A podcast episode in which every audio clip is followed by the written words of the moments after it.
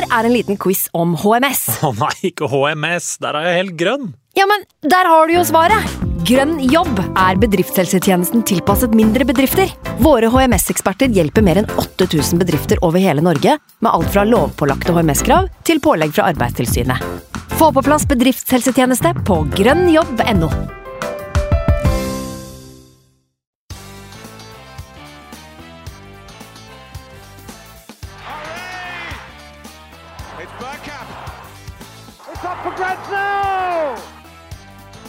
next station is Arsenal. Hei og velkommen skal du være til en splitter ny episode av Arsenal Station for anledningen uten en lungebetennelsessyk Sivert Skarstein Eriksen, men med Magnus Johansen og meg, Simen Goffeng. Hva er denne Arsenal-gjengen laget av egentlig? Er vi softe bottlers som svikter når det gjelder som mest, eller uredde unggutter som bare fortsetter og fortsetter på ferden mot ligagull? Om ikke like tabloid, eh, var det det spørsmålet flere stilte seg etter de siste ukers poengtap. Og da dommer blåste for pause på Villa Park, var det nok stadig flere som sluttet seg til rekken av tvilere. Hva slags respons ville Artetas menn komme med? Og det svaret det fikk vi andre gangen, Magnus. Eh, Det er vel fort eh, et vi ser tilbake på i mai og vurderer som et aldri så lite veiskille, kanskje. Nesten uansett eh, Klart, uansett det er jo litt eh, flytende, men eh, jeg tipper liksom hvis vi blir nummer tre, så kan vi fortsatt se tilbake på den kampen her. eh, At her unngikk vi jo at hele sesongen gikk rett i dass. Jeg meldte at de hadde ryggrad, som en flapperødpakke i, i, pausa. Jeg var så langt nede som jeg ikke har vært på lenge som Arsenal-supporter etter den 2-1-skåringa. Så det er den den responsen, den, den kommer jeg til å huske lenge. Ja, altså jeg eh, sa vel eh, etter hvert ut i andre gangen at da det fortsatt var 2-2, at uansett sluttresultat her nå, så er jeg fornøyd, faktisk. Fordi den responsen vi har, eh, vi har levert her, i kraft av prestasjon, ikke resultat, da, eh, det var betryggende, rett og slett. Eh, Mm. Vi har jo snakka mye om altså, Dette er en gjeng som ser ut til å være noe annet da, enn de, de Arsenal-utgavene vi har blitt kjent med de siste egentlig nesten 15 årene, må det jo gå an å si. da. Ja. 19 år siden forrige ligagull, så man kan jo begynne å trekke de linjene helt tilbake dit, egentlig. Eh, Men dette her er liksom en ny gjeng med blanke ark og muligheter for å skrive ny historie. Men så begynte det jo så smått å kjennes ut som at eh, det er historien som skal repetere seg enda en gang, sånn som det har gått de siste ukene nå. Og nå høres vi kanskje bortskjemte ut, det er snakk om å tape to kamper og spille en uavgjort i Premier League. Eh, Det kan skje, men en respons det hadde vi liksom etterlyst. Først etter Everton, så fikk vi liksom ikke akkurat sånn som vi ønska mot Brentford. Og så fikk vi en slags respons i, andre, nei, i første omgangen mot City, eh, mens en andre gang hvor vi skal vi si, nesten så ut til å kapitulere litt og ikke vite helt hva vi skulle komme opp med. Eh, og da var det nok en gang da, denne Villa-kampen her som skulle være en kamp hvor vi skulle vise hva vi er lagd av. Og så kom vi i første omgang og kan vi være ærlige, ser ganske ræva ut. I hvert fall i en del viktige faser av spillet. Vi ble jo spilt gjennom så enkelt som bare det ved flere anledninger der, som vi skal komme inn på da. Og da å faktisk få den responsen på den måten vi fikk i andre omgang, det, det er som du sier, det er noe man sannsynligvis vil huske på ganske lenge. 4-2, det klinger godt uh, i sesonger hvor Arsenal uh, ligger med kniven på strupen. Uh, vi husker jo Thierry Henry mot Liverpool eh, back in the days. Så eh, uten eh, sammenligning for øvrig, så, så var det noe nesten poetisk ved, ved det vi fikk se her. Det, og en fotballkamp som eh, min, minna meg på hvorfor jeg er glad i det her, men òg minna meg på hvorfor jeg beslutter med det så fort som faen. Fordi Så det ut med pacemakeren. jeg har jo ikke fått Nei, operert det inn det, og det, det burde jeg kanskje. Burde kanskje. Eh, Jeg er ganske sikker på at det her kommer til å ta livet av meg. Eh, Ikke den våren her, men hvis Arsenal skal være med og kjempe om gull. Jeg har glemt hvordan det føles, jeg også, Simen. Jeg har glemt det. Det er eh, Alle følelser er så forsterka. Man kan ikke bare legge det bort, skyve det under eh, sofaen etter match og tenke at OK, eh, hva så om vi blir nummer fem liksom i Premier League? Når det står om eh, gull og glitter, da, da våkner udyret. og som eh, Twitter-følgerne våre har fått se, så har det udyret vel ødelagt korkopptrekkeren denne uka her. De teipa det sammen igjen. Jeg vet ikke hvordan det går nå etter uh, første gangen mot Villa. Fikk den seg en runde til, eller? Jeg la den uh, et stykke unna der jeg satt, sånn at den ikke skulle få lov til å delta i, seansen. Det ble kasta andre ting som ikke kan ryke. Det er, det er lurt, da. Uh, det er en sånn ikonisk korkopptrekker fra VM 86, Mexico. Så uh, det er litt synd å ødelegge nå, men uh, den, den var litt sånn som en sånn gammel Nokia 3210, hvis du husker de. Eller hvis det ikke var 3310. De der, det er jo de som aldri, aldri, kunne bli ødelagt, selv om Hæ? du pælmer i bakken. Og, Nettopp. Ja. Så det er nok en, noe av det patentet der. Den, den dør aldri. Ja, men du, du, klarte jo faktisk å, å knekke nå i midtuka, da, uten at vi skal bruke for mye tid på den onsdagen. Ja, det var mot Brentford, kanskje? Det var mot, eh, det var mot eh, City, det. I, ja. Faktisk i, først, først, på første skåringa til City, at den deisa i kjellerdøra her. Og da var, var livet over. Men uh, gjennom, uh, livet sto til å redde. Så den er teipa sammen og rappa sammen og klar for uh, nye kuler. Uff. Ja, det er godt å høre. Trofast følgesvenn, det der. Ja, nei, disse følelsene, de er, de er slitsomme, men akk så deilig. Altså, det å se fotball uten noe særlig betydning, det har vi jo dessverre blitt vant til utover eh, senvinter og, og vårparten i en del sesonger de siste årene. Altså, alt er jo mm. relativt. Vi finner alltid en slags mening med hver eneste kamp. Men å spille om den absolutt største premien, da, sånn som vi gjør nå eh, Ja, altså, som du sier, det vil være surt og bittert og vondt om det ikke går hele veien når vi har satt oss i den posisjonen vi har. men jeg er takknemlig altså uansett nesten nå for å, for å være med på den, eh, den, ferden som Arteta har tatt oss med på egentlig fra starten, men, men særlig der vi er nå. Da. Der er det, mm. der er det gøy å være. Og det er eh, liksom, den perioden vi er inne i nå som, som former hvordan man ja, setter pris på det å være supporter. Da. Det er ikke bare den ene kampen som betyr noe, men det er alle de kampene som hva er det vi har igjen av 15 nå gjennom sesongen. Eh, sannsynligvis så vil absolutt alle bety noe. Ja, det er en uh, skremmende, skremmende, tanke, rett og slett. Uh, med lørdagen uh, i vente. Det kan bli det kan bli sokkerleilighet her, eller eventuelt enebolig med torvtak. Ett av to for undertegnede. Men du, du var litt mer taktfull enn meg og gikk ut blant folk og så match denne gangen også. Ja, ja som jeg har sagt tidligere, det er, det er deiligere det altså, å kunne dele disse opplevelsene med flere slitsomt å sitte for seg selv i en sofa og ja, prate med seg selv. Blir jo gæren av mindre. Men uh, vår gode podvenn uh, Stian Bøhling hadde tatt turen fra Kristiansand uh, og meldte at han skulle en tur på Bohemen i Oslo.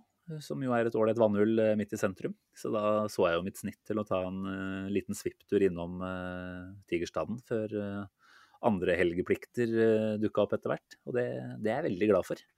For det var et par timer på pub som eh, Ja, de, de blir jo ikke glemt med det første, de heller. Det er et eller annet med de opplevelsene Nå er ikke jeg så på pub, på en måte.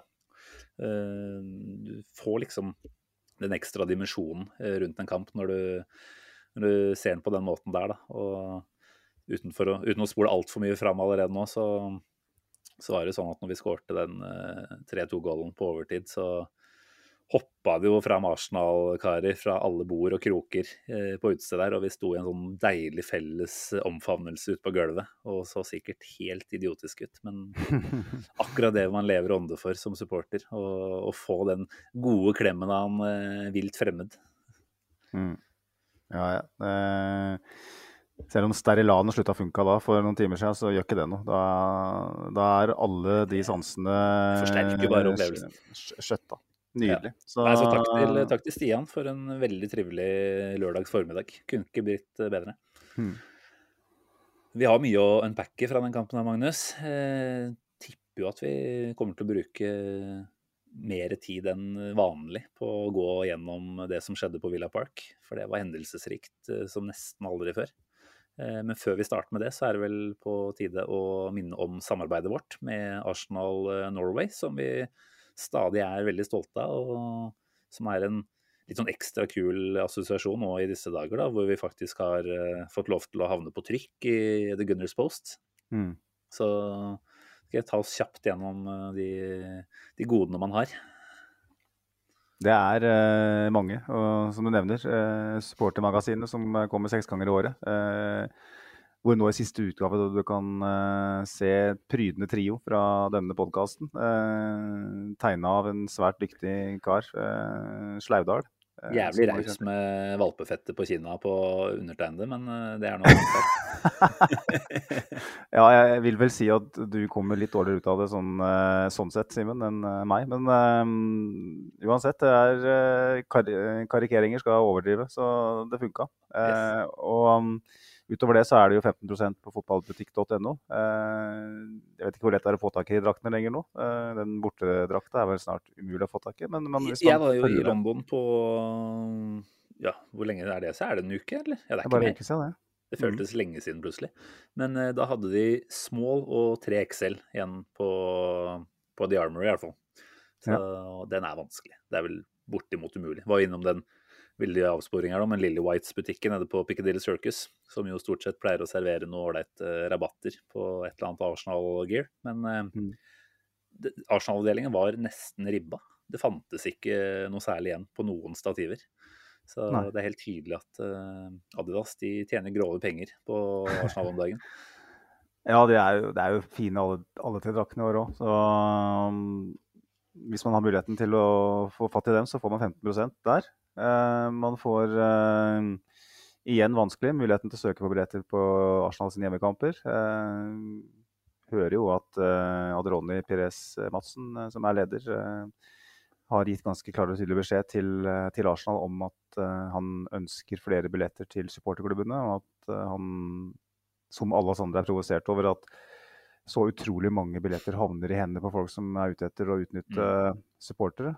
det går jo billetter til over 20 000 til den siste, siste hjemmekampen allerede nå. Eh, så det sier det meste. Um, så kanskje det viktigste synes jeg da, Simen, er uh, muligheten til å delta på ulike arrangementer inn- og utland. Hvor man blir kjent med likesinnede. Uh, det er ikke alle som har den ventilen som vi har. Som sitter her hver søndag og får tømt oss. på alle mulige vis, holdt jeg på å si. jeg, du og Sivert. Så for de som ikke har det miljøet, eh, så er det spesielt nyttig. Jeg har fått mange gode venner gjennom, gjennom de treffene. Så 250 kroner, det er vel, eh, som jeg har sagt 100 ganger før, eh, minst det mest velanvendte penga du kan bruke. Mm. Ja, preach. Det er ikke noe mer å si enn det. Det er ikke noen andre ting vi skal gjøre unna før vi kaster oss inn i kampprata. Nei, jeg tror ikke det. Nå har vi snakka i tolv minutter allerede, så da ja, er det vel greit å begynne. Det er noe med det. Eh, Lagoppstillinga. Det var ikke noen store overraskelser. Eh, det vi alle hadde etterlyst i flere uker allerede, en Trossard inn på venstre, det fikk vi i denne. Eh, så man kan vel si seg tålelig happy med det. Ben White var tilbake etter eh, pause i midtuka mot, uh, mot City. Som forventa. Ikke så mye annet å si enn det. Nei, Nei egentlig ikke. Vel, uh, skal vel være såpass freidig å si at jeg traff uh, på alle uh, i den elveren. Og det tror jeg var veldig mange andre som gjorde òg. Mm. Det var vel flere som hadde begynt å lefle litt med tanken på Vieira inn fra start allerede. Uh, ja, la Granitjaka få seg en pause, som har sett litt tungere, tyngre ut i senere uker. Mm. Men det er klart, som vi har snakka om før også på den poden her, at Party og Xhaka de har stort sett vært uh, den stabiliteten og den grunnmuren som man har trengt da, for, å, for, å, kunne få til noe offensivt. Og uten Party så var det vanskelig å se for seg at, uh, at Chaka også skulle ut av den kampen her. Så mm. det, var, det, var, helt uh, Det er helt godkjent fra Arteta. Godt valg. Definitivt. selv om ikke nødvendigvis første gangen til Granit var fantastisk. nei, Men, det kan jo være noe. Nei, Men, altså, dette er jo en sånn type kamp hvor vi nesten må snakke oss litt sånn kronologisk gjennom, eller? Det var så mye detaljer. Jeg har ikke kontroll på alle, så vi får prøve å, å ta de aller viktigste. Men uh, det var jo ikke mange minuttene det gikk før vi uh, dessverre fikk en i trynet. Nei, det, det, gikk ikke så lang tid. Um, det var jo en Zinchenko som jeg syns uh, var av det provoserende slaget den første omgangen. Jeg var um, nær ved å plumpe uti på sosiale medier med noen litt uh, harske beskrivelser, men som alltid så klarte jeg å beherske meg. Uh, og altså, han skjøt et ett skudd fra var det 35 meter. Og så var det på et tidspunkt i kampen hvor vi liksom var i ferd med å, å få litt overtak. Klarte å få ballen litt nærmere Vilja sitt mål med kontroll, og så bare skyter han en sånn Hadde aldri skåra Premier League på det tidspunktet. Mm. Det, det skal vi jo mer inn på etter hvert. Så det var liksom At det var nettopp han som mista ballen, det var ikke noe stor overraskelse. Men jeg må jo si det, da. Eh, Når vi er så svake i defensiv omstilling som vi er i den første omgangen der, det å miste ballen der, det skjer. Det har skjedd mye denne sesongen her. Men når hele laget bare, som jeg kalte dem, soft underbelly i Arsenal eh, i den første omgangen eh, det, det, det skjer en del ting til der. Det, at han mister ballen der, det bør ikke bety stor Nei. målsjanse til Villa. Nei, og uten at vi igjen skal henge ut noen eh, her, og, og i hvert fall ikke Jorginho, som jo har en kjempegod kamp, så er det jo ikke til å stikke unna at eh, Party kontra Jorginho i nettopp det du beskriver her, defensiv omstilling, det, det gjør at vi, vi blir litt uh, lettere å, å Mm. angripe på, på kontra. Eh, det er en Jorginho som flytter beina litt saktere, som kanskje, skal man være så freidig å si, også ikke nødvendigvis eh, leser spillet defensivt eh, like bra som Party. Det var vel på Match of the Day at de hadde analysert litt på plassering eh, underveis i, den Eller oppbygninga til den goalen der, og hvor det var lett å se for seg at en party ville vært litt mer proaktiv og stått de få meterne nærmere ballfører som skulle til potensielt da, for å avskjære den, eh, den ballen. Mm. Eh, veldig, veldig lett å kanskje se for seg dit og datt, men, eh, men eh, som du er inne på, vi har ikke vi har ikke sluppet inn noe særlig sånne type mål denne sesongen. her. Altså, det har liksom stort sett føltes ut som eh, litt eh, kjipe og dumme eh, enkeltmannsprestasjoner, holdt jeg på å kalle det. Men altså personlige tabber, rett og slett. Da, eller litt dødballskåringer, som, som det har vært de siste ukene nå. Foruten det så, så har vi stort sett vært så solide uh, at vi ikke blir spilt gjennom. Uh, og da, og da er det jo lett å se at ok, mannen som vi miste, eller som vi hadde var uten på Old Trafford uh, og slapp inn i kontra der. Mannen som da er borte igjen her, gjør at vi blir mer sårbare i den fasen der av spillet. Så kan vi jo definitivt snakke opp Jorginhos kvaliteter med ball i beina og på hvordan han ja, dikterer spillet, rett og slett. Men, eh, men akkurat i den fasen der så, så savner vi Thomas Party. Det er kanskje ikke noen stor overraskelse heller.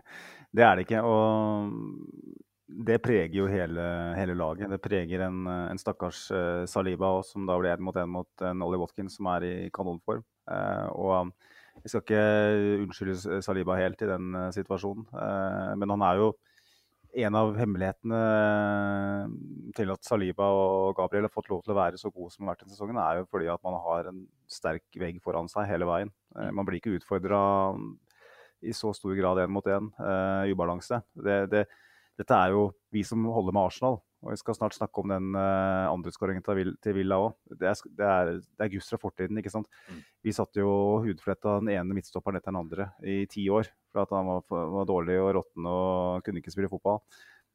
Men den samme stopperen i et annet system ville vært ganske bra. Uh, og når man får så lite beskyttelse som det Arsenal-forsvaret gjorde i den første omgangen, så er det ikke lett å være en ung midtstopper på 21. eh, Eller, på, eller for Gabriel sin del 24, er det vel. Eh, når det er sagt, eh, så gjør jo Saliba en stor feil ved å ikke gå tettere i Watkins og presse han lenger ut der. I hvert fall når han fikk muligheten, når han har dette dårlige førstetouchet, Watkins. Og så er vel til Stian akkurat i det samme øyeblikk ah, flaks, da slipper vi unna her. Men som du sier, så er ikke Saliba i, i duellen. Han er vel halvannen meter unna nesten hele veien og tillater at Watkins får utfordre og sette fart. og Altså, for all del, det er en kjempegod avslutning. Eh, vanskelig å kritisere Ramsdale for hardt for den også, ikke sant. Mm. Eh, og iblant så må man jo bare akseptere at det er gode prestasjoner fra motstanderen. Men det at man får slippe til skuddet på den eh, soft, ja, enkle måten der, da, det, det er skuffende. Så det er jo en, en kollektiv svikt, uh, for så vidt, med, in, men det krever gjerne individuelle glipper òg.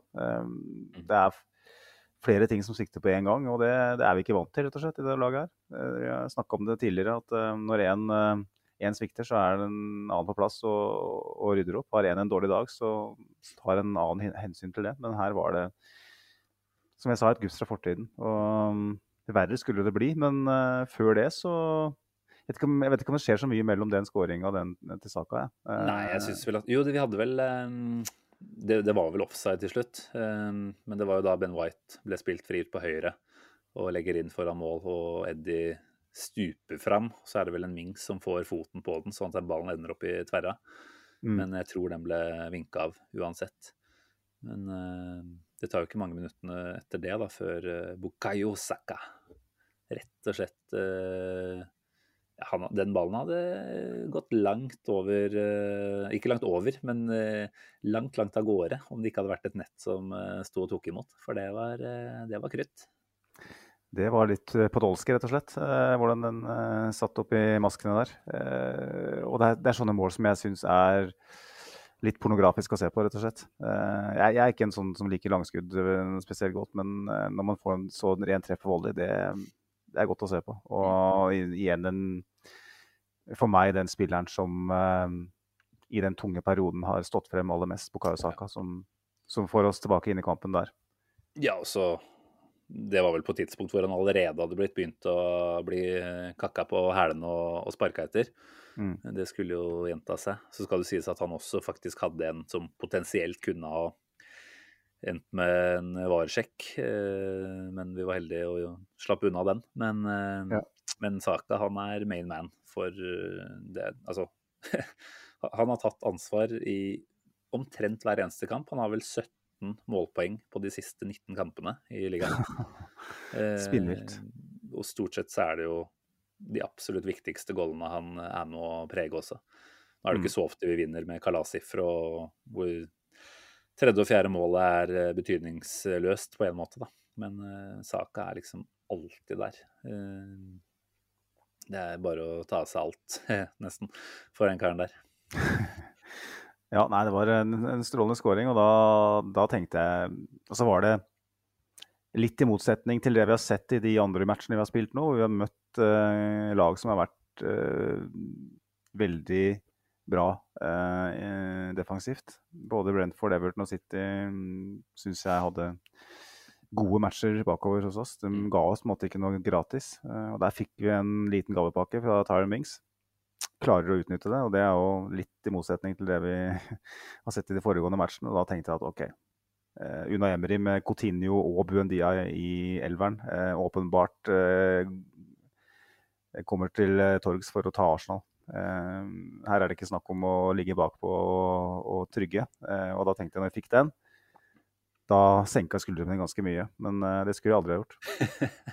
ja, du lot deg lure. Eh, nå husker jeg ikke igjen akkurat hva som skjedde mellom den og Villa-skåringa. Det er vel et kvarter eh, med fotball som eh, Ja, vet ikke jeg. Det er trilling, kanskje, først og fremst. Ikke noe særlig store sjanser. Før vi da Har vi vært oppe i angrep? Er det rett og slett Martine som setter i gang bakfra? På, på 2-1-gålen til Aston Villa. Jeg husker ikke akkurat det, men det starter, det starter iallfall helt bakerst hos Villa. Ja, og det å bli så enkelt spilt gjennom, det var uh, gufs fra fortiden, ja. Det, det, var nesten ikke til å tro hvor lett det der var. Uh, det ble gjort feilvurderinger uh, flere steder, og kanskje aller tydeligst, da, eller for så vidt to ganske tydelige og grove. Eh, både Ben White, som tar et skritt fram og tillater at hvem nå den er, venstrebekken vel, til Villa, løper inn bak ryggen. ballen går jo inn via det er vel en uh, luke uh, på Sjaka, som mm. etter at det er et overhopp fra Bundia eller noe sånt, før den da havner i beina til Coutinho, da, den jævelen. Som jeg var glad for å se i startoppstillinga. Tenkte at dette her byr på gode arbeidsforhold for Arsenal. Kar som absolutt ikke har planer om å være med i noe presspill. Um, får ballen på 16-meteren ca. Og skal vi være ærlige og si at han får det litt for enkelt servert fra Ramsdale der. Eh, selvfølgelig så vet sikkert Ramsdale hvorfor han gjør det han gjør, men, men eh, jeg, jeg syns jo at når det er vel Gabriel som gjør et forsøk på å blokkere der, står vridd mot sin venstre, har liksom kneet opp, eh, dekker ganske mye av eh, Ramsdales venstreside i mål. da. Så Mm. jeg er overraska over å se at Ramsdale sjanser og går den veien der. Eh, Ja. Lett igjen å si her i ettertid, men, eh, men Det skjer jævla fort, selvfølgelig. Selvfølgelig. selvfølgelig. Eh, men det, det virka unødvendig enkelt. Det gjorde det. Alt, Alt. Alt, ja. ved det, det angrepet virka unødvendig enkelt. Eh, Du sa Gus er fortiden. Jeg tenker Michu på Emirates eh, for Swansea. Jeg er tilbake der. Eh, Det er på det nivået der, altså. Eh, Jeg ble så provosert at jeg gikk og la meg eh, etter den skåringa. Da, da snakker vi altså klokka to på en lørdag formiddag. Da tok jeg på meg nattlua og steg under dyna. Da var det, da var det over for meg, altså. Eh, Det ble fem minutter under dyna med Vegard da jeg var furting. Før jeg reiste meg opp igjen og gikk på stua. Eh, Sånn gjør man ikke på stadion, selvfølgelig. Eh, Da har man litt mer promille, og så um, takler man det litt bedre. Men eh, litt skam, skammer meg litt, men da, da gikk rullegardina ned. Også. Og det, var, det er klart det handler veldig mye om alt som har skjedd de siste 10-12 dagene. Men det handla òg om den skåringa. For det her det er så utypisk Ariteta-ball som det er mulig å bli. Dette her, Sånne mål slipper ikke Arsenal inn anno 2023. 2023, Nå hørtes jeg ut som jeg er 80 år. Men eh, det er en så stor kollektiv svikt. Det, det har jeg ikke sett den denne sesongen her, som i det øyeblikket der. Det er den, den svakeste skåringen vi har sluppet inn. Hadde vi skåra det målet sjøl, så hadde vi sikkert snakka om hvor bra angrepet var. Men for meg så er det her en gavepakke. Det, er, det her kunne Burnley under Daish ha skåret, det målet her. Det er patetisk. Eh, og jeg regner med at den godeste Michael Ariteta brukte i hvert fall 12 av de 15 minuttene i, i garderoben på den uh, skåringa her. For det, Ja. det er sånne Ja. skåringer vi kan vi ikke slippe inn.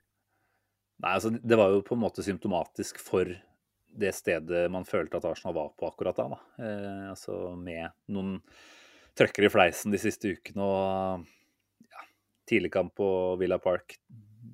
Det var liksom Det føltes ut som det var et slags uh, bevis på at uh, nå har vi latt denne muligheten gå fra oss, rett og slett. Uh, Mm. Selvfølgelig og setter altfor mye på spissen, det, men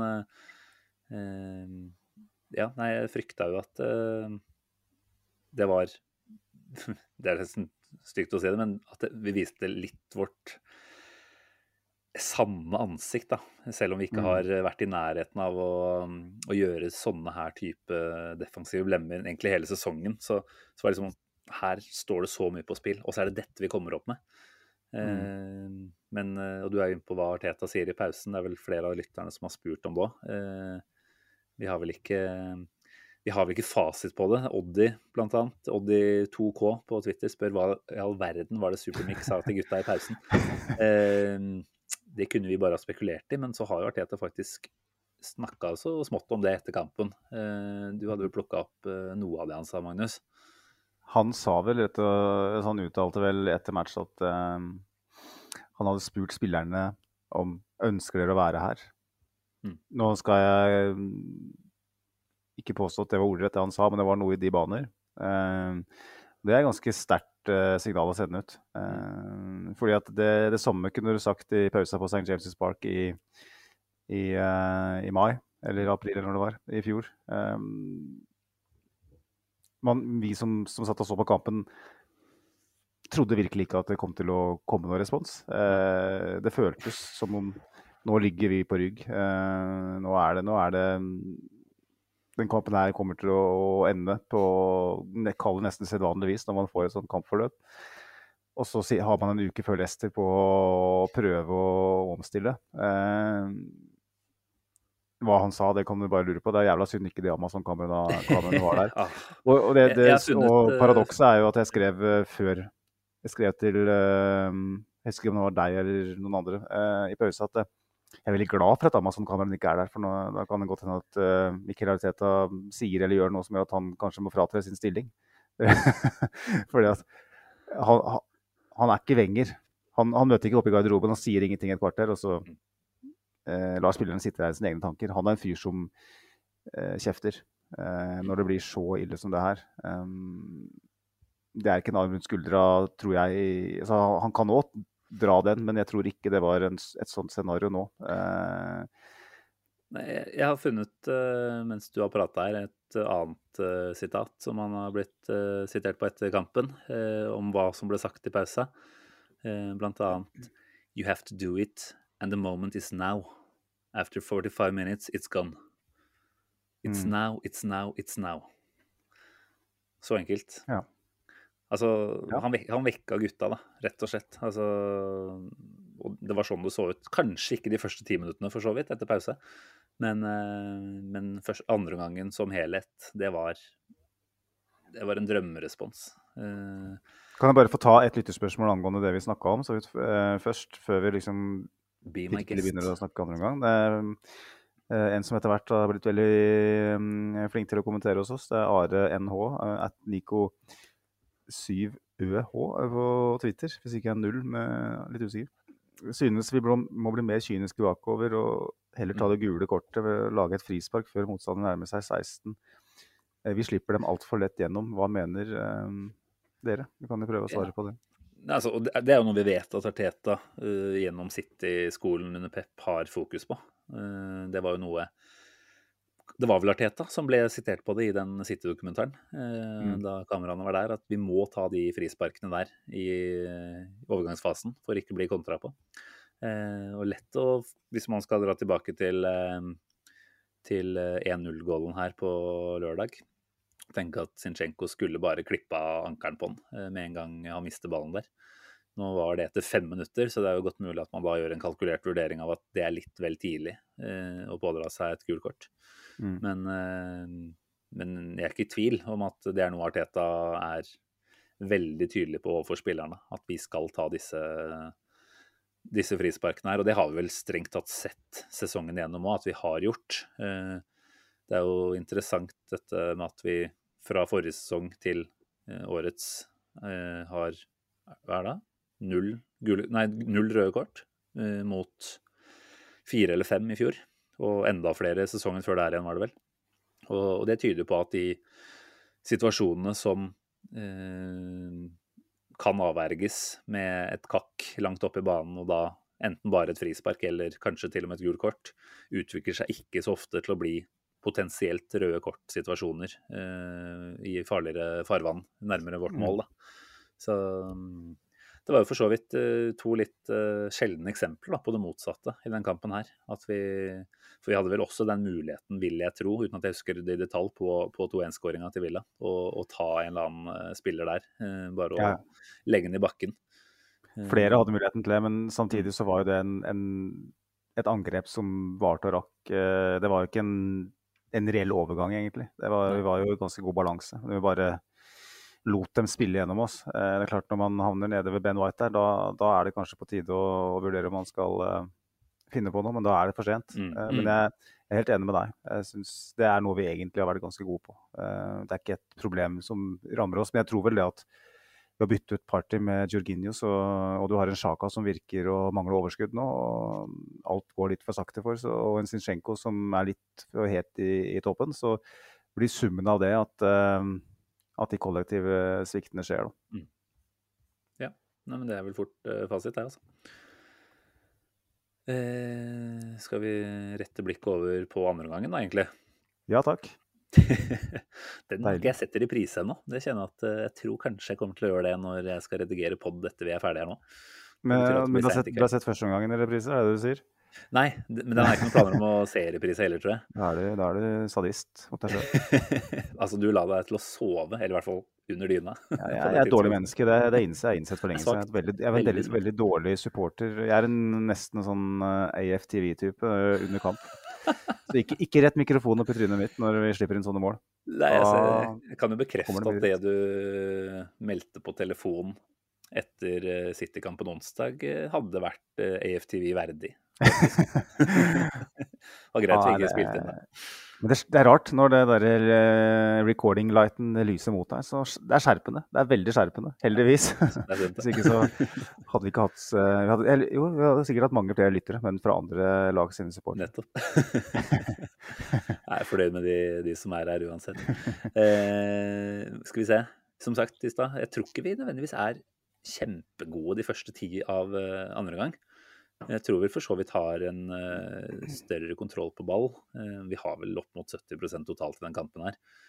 Uh, så vi fortsatte jo litt i det samme sporet sånn sett. Men vi klarer jo ikke å spille oss noe til noe Jo, én sjanse spiller vi oss til før, før mål, og det er jo Enketia i tverra. Ja. Og da skal jeg innrømme at ca. tre minutter eller noe sånt før det, så ble jeg vel sitert på av av sidemann Stian på at uh, jeg uh, har ikke tro på Enketia som uh, en spiss i hodedueller. Han har ikke noe å stille opp med på, på huet. Og like etter så knuser han vel begge villastopperne i duell. Og header i tverra, da, for så vidt. Men, men jeg syns det er sterkt det han gjør der. Så jeg holder pen, munnen pent lukka heretter.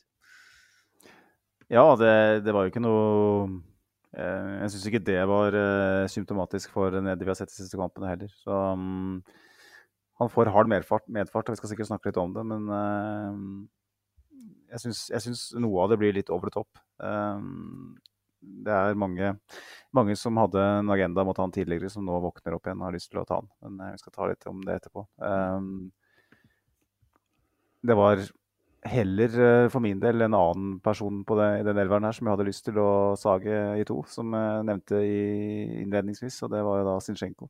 Og så er det nettopp han som, som eh, får oss tilbake inn i matchen her, Simen. For eh, et nydelig øyeblikk. Første mm. målet hans i Premier League. Det hadde jeg nesten ikke våget å, å tro. Nei, altså, jeg hørte de snakka om eller var det, Jo, jeg tror de snakka om det på, på sendinga der, at han hadde ikke skåra siden 2015. Eh, men Åpenbart har jo ikke vært i Premier League siden før 2015 heller. Så dette var vel da kampnummer Jeg mente at jeg leste det et eller annet sted. Uh, dårlige forberedelser her, men uh, spilt opp mot 100 kamper i hvert fall. Det var vel det. Uh, fortsatt ikke skåra. Har vel kanskje ikke havna i like mye skåringssituasjoner, posisjoner, i City heller. Uh, den venstreback-rollen han har i Arsenal, er mer avansert og framoverretta enn den han hadde i City, selv om han gjorde en del av det samme der. Så ikke minst så tror jeg han har en annen type rolle i den uh, gjengen her enn det han hadde i City. Det er helt tydelig at han har kommet inn og like eller ikke lik det, men tatt på seg en veldig klar lederrolle. Uh, kanskje så stor at han til tider har blitt litt vel komfortabel med å mm. ta disse valgene med å skyte fra langt hold og sånt. Ehm, litt vel dominerende i eh, områder på banen hvor man kanskje skulle tillatt at andre også fikk lov til å være mer fremtredende. Men uh, la oss ikke snakke om det nå, når han faktisk da etter en time spilt blir vel spilt opp av Martin Ødegaard etter en kort corner. Og mm. banker til i nærmeste hjørne på på første touchen der. Det var vel en goal som minner meg om den et eller annet league two-lag eller noe sånt hadde på Villa Park for noen uker tilbake i FA-cupen. Her følger vi med. Ja, det, det, er å følge med. Det er nøling på høyt nivå at jeg drar den sammenligninga der. Men det var også i Det var vel med en annen Villa-keeper, eh, sannsynligvis, da. Men eh, korthjørnet på Villa Park det er tydeligvis stort nok til at man eh, klarer å tre den inn. Så deilig å se den gå inn. og relativt beherska, må vi kunne si. Altså kaldt og rolig. Ta med seg gjengen tilbake, vifte spillerne tilbake etter å ha skåret sitt første Premier League-mål. Det, det vitner om et uh, lederhode, da. Han har vel aldri feira et mål mindre for Arsenal han feirer sitt eget, tror jeg. Eh, Nei. han pleier jo som regel å vrenge trynet og flekse og fiste og alt som verre er, eh, mens andre jubler i en sånn klynge. Så det, det var eh, akkurat det, det ga meg litt glede faktisk òg, å se at han var litt beherska. For mm. han var på ingen måte beherska den første omgangen i noe som helst, eh, på noe som helst slags vis. Og um, det du nevner med skåringer òg, det er han er på ingen måte en, gal, en Klisjé, da, som vel skåra ett mål for Arsenal på sikkert 300 matcher, som gikk via to spillere eller noe sånt. Eh, så, så, vidt spratt inn i hjørnet. Mm. Eh, han har jo hatt flere nesten-muligheter for Arsenal, eh, så vidt jeg kan huske. Den, eh, den høsten og vinteren her, Sinchenko. Så det, Jeg tror det kommer mer derfra, men vær så snill og ikke lek Thomas Party anno 2020. Jeg orker det ikke. Jeg blir så sliten av det. Jeg blir så sliten av spillere som bare kaster bort eh, possession. Og jeg må jeg si det at han hadde vel noen langpasninger òg som var altfor lange. Eh, Jeg stilte vel spørsmålet på Twitter. han, Har Arsenal i februar 2023 slått én presis langpasning fra egen banehalvdel og inn i bakrom? Det tror jeg ikke. Alle går for langt. Eneste som har treffet i 2023, omtrent, er Thomas Party, og han er jo god på det. Men eh, det er sånn vi, vi sørte bort så utrolig mye ved, ved å bare kaste bort ballen uten å skyte eller å slå en langpasning som gikk eh, også Edin Keta måtte ha vært eh, Usain Bolt med rakettmotor for å rekke dem, liksom. Så det er Ja.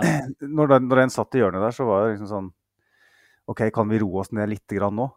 Ja, det var nettopp det som skjedde, var det ikke det? Ja, var det det? Jeg mener jo at uh, Bare for å ta noe ved den 2-2-skåringa før vi går videre. Det var da Zinchenko sin 92. Premier League-opptreden.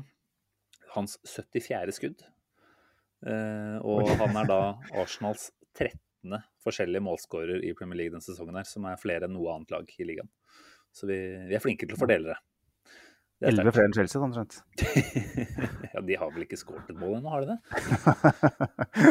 Men eh, nei, altså, om, de, om vi roa ned, gjorde vi det? Jeg føler jo at det tar ca. ett minutt eller noe sånt ja, før eh, vi kunne gått opp til 3-2 der.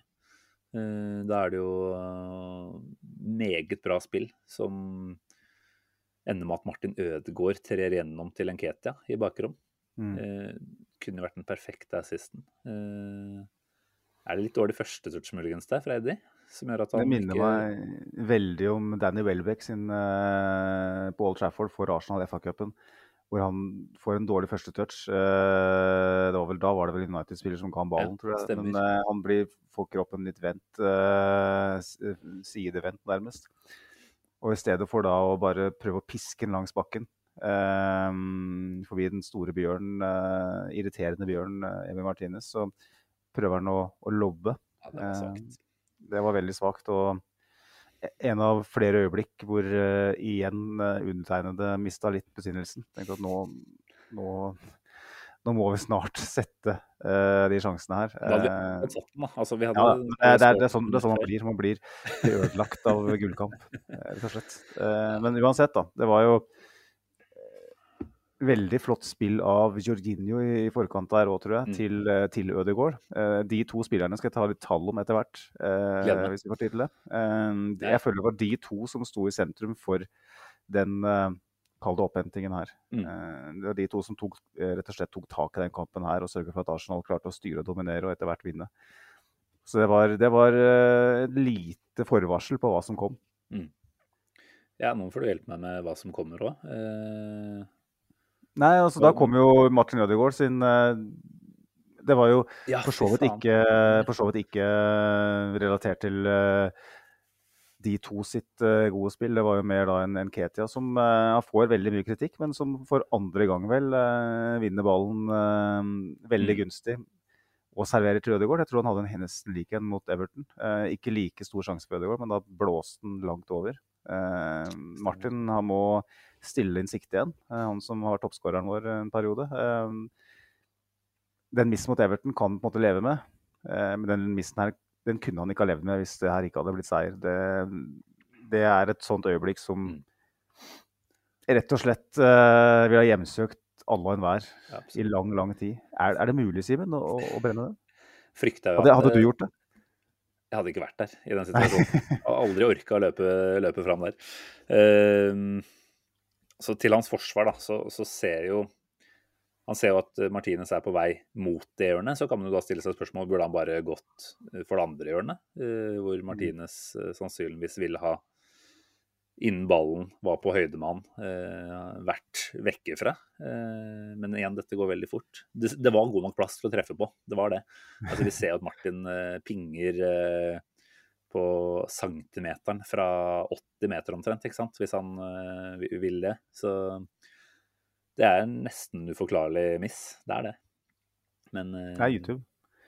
ja, dessverre. Eh, Og han skjønte det jo selv òg. Han var jo fortvila, stakkar, når han bøyde seg ned og ropte i gresset der. Og tenkte vel kanskje ikke nødvendigvis akkurat det samme som oss, men det var jo en følelse av at å ja, det er, det er den dagen her nå.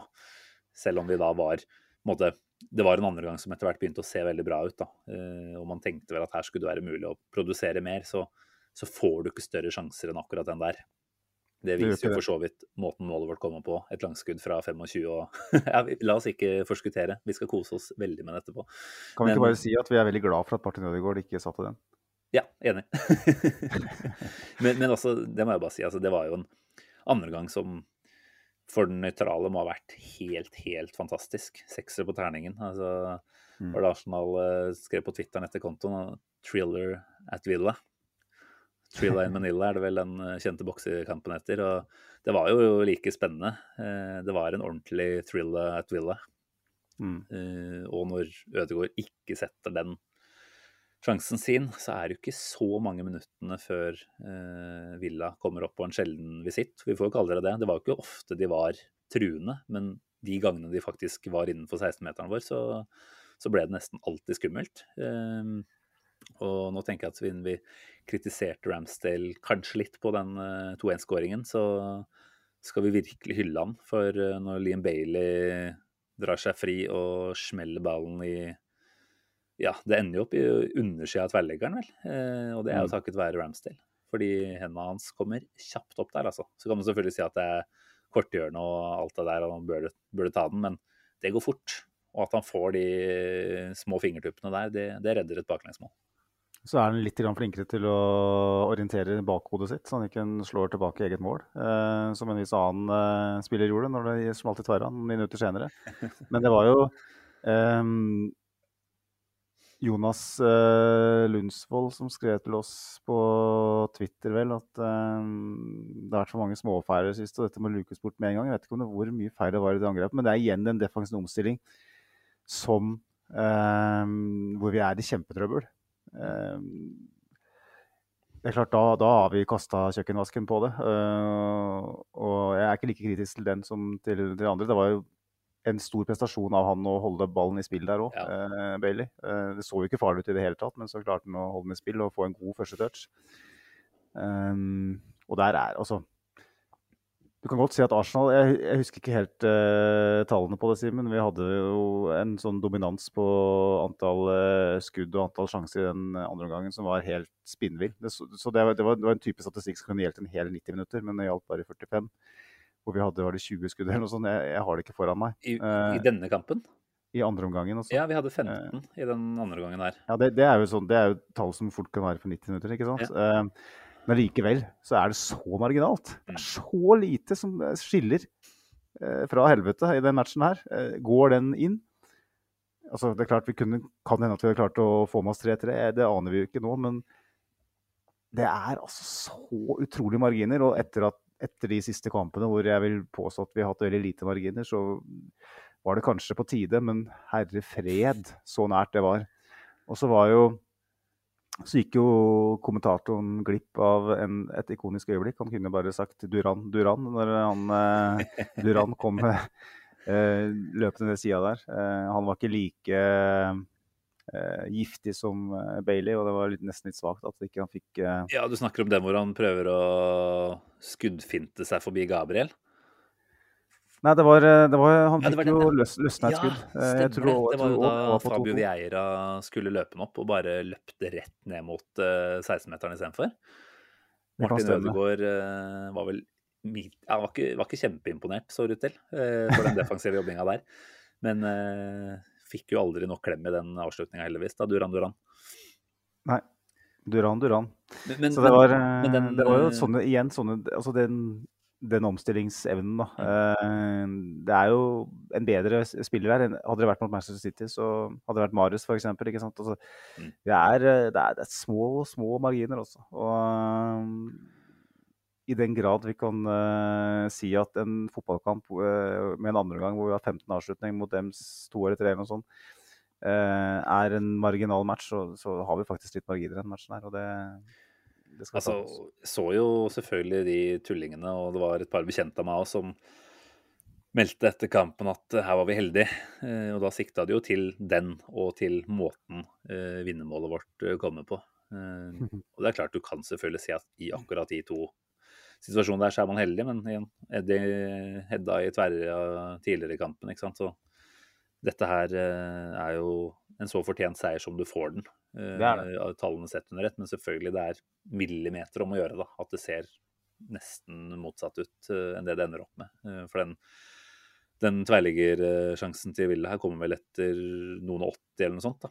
Og selv om vi har en god, en god flyt og trøkk i angrepsspillet vårt i andre gangen, så er det jo den klisjeen om at mål preger kamper. Eh, Det kan hende at det det hadde gått ut en luft av oss igjen der.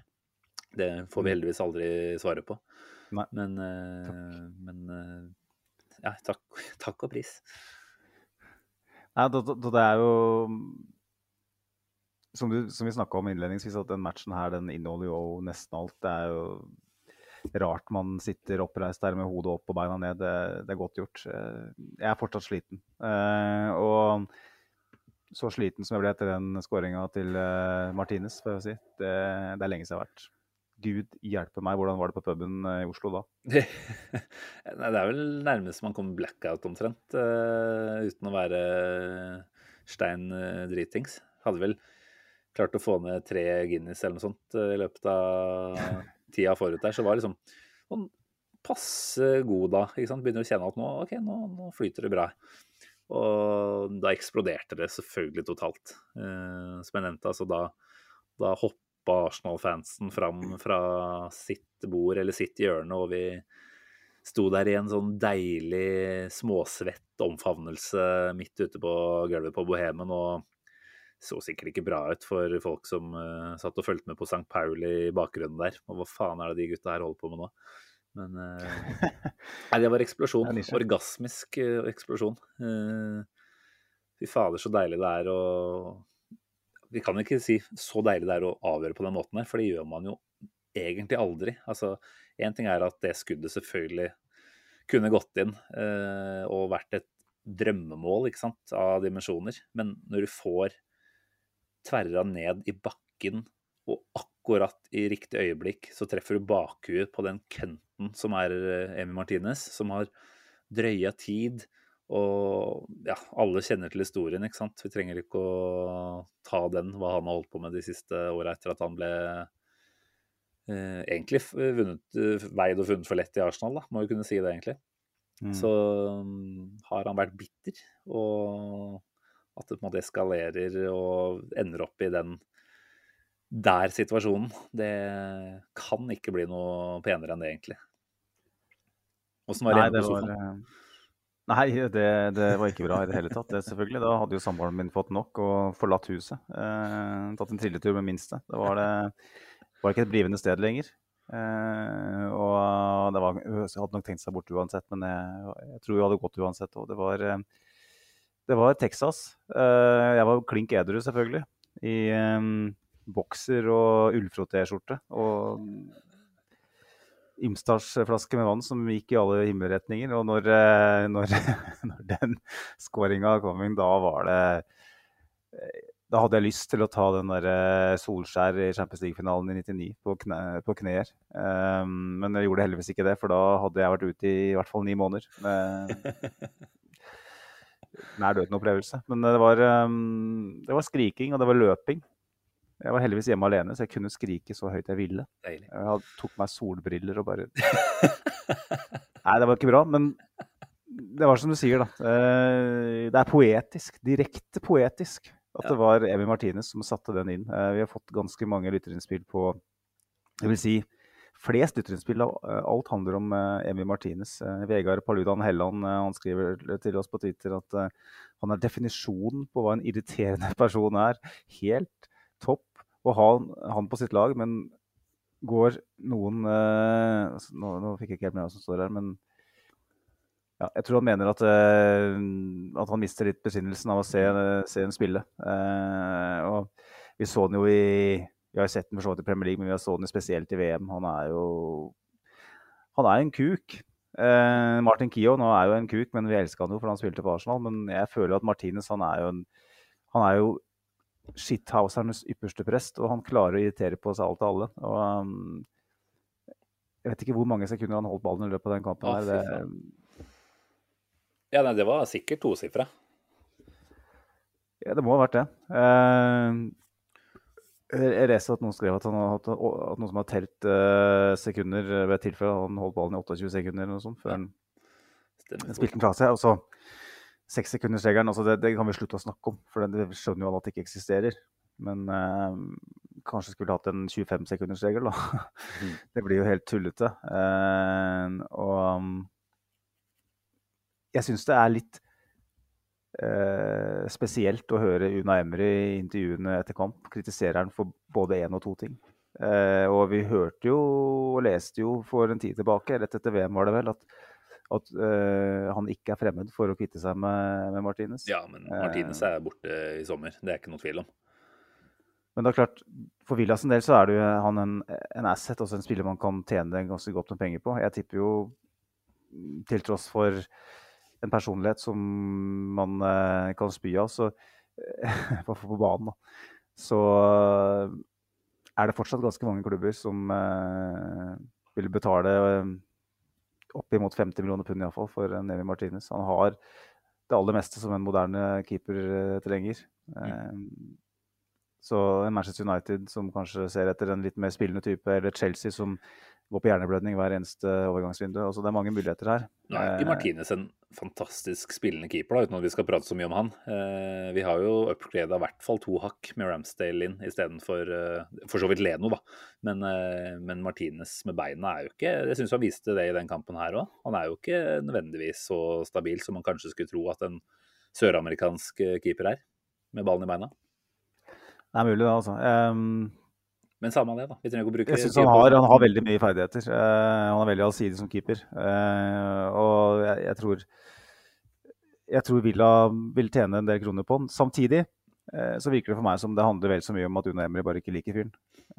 og det, det, er ganske sjukt. Når du har en så god keeper, og så bare Nei, han han fyren her, han liker jeg ikke. Eh, altså han, han, går opp på den corneren uten å ha fått eh, instruksjoner eh, om det. Og som Unai sier i intervjuet etter eh, match, eh, som han helt sikkert har rett i, så er det maks én av hundre av keeperne som går opp, eh, som faktisk skårer. Og jeg tipper at det er færre enn det. ganske betydelig færre òg. Hvor ofte skjer det egentlig? I Premier League de siste ti åra er det kanskje én i han gode Salison. Så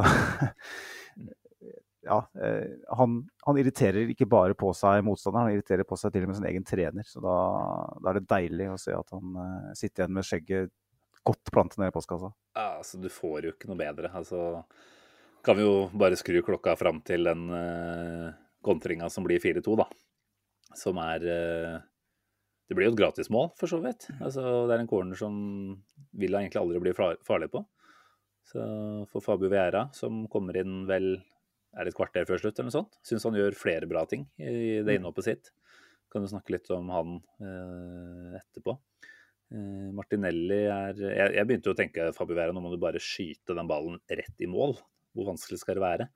Men selvfølgelig så velger han riktig. Når Martinelli, bestekompisen, eh, turer opp gjennom midten der og, og, får den servert, og drar på med en liten eh, feiring før, eh, før han sentrer ballen i mål.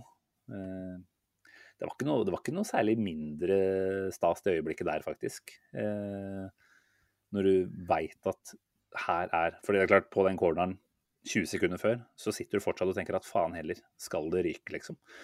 Eh, mm. Og så når du bare får den siste spikeren i kista eh, på slutten der, da, da er det hallelujastemning, altså. Ja, jeg turte ikke å se på den corneren. Eh, Orka ikke.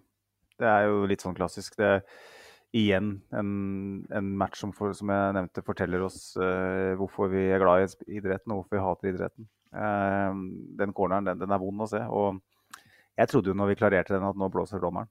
Uh, for da hadde man spilt ett minutt over tillagt tid, tror jeg. Mm.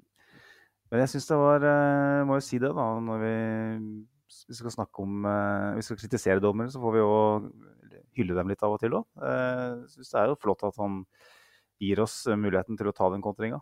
Eh, gir oss Martinelli en, en opplevelse som han mm. sårt eh, trenger, og en Vieira ikke minst. Så er det jo Apropos skadefryd, så er det jo helt fantastisk å høre Gabriel Agbanlahore sitte i Togsportstudioet etterpå og klage på at uh, Martinelli jubler før han setter mål. Negativ oppmerksomhet har lyst til å gi inn. Eh, jeg vil ikke snakke noe mer men jeg syns det er deilig. At, sliten eh, at, det, at, det er, at det er så salte tårer som drypper ned i det glasset som jeg sitter og drikker til kveldsmaten. Det er så deilig. Ja, greit, da. Du skal få kose deg med den. Deilig drink.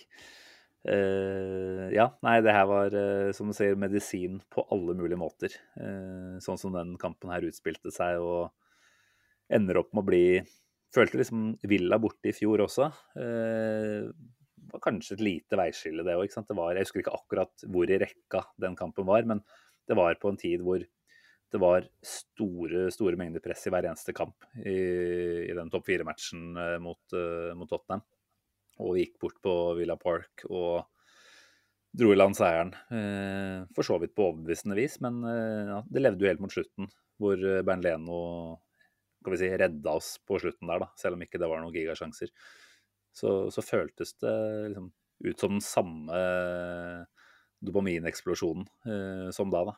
Det her var, eh, Og du Mm. så jo egentlig de scenene både på 3-2 og 4-2, hvor ekstremt mye det betydde for, eh, for en gjeng som sikkert har opplevd at de har for så vidt spilt litt under pari nå i forhold til hva de er gode for, men, men som også har fått dårlig betalt, må vi kunne si, i noen av kampene siste uken her.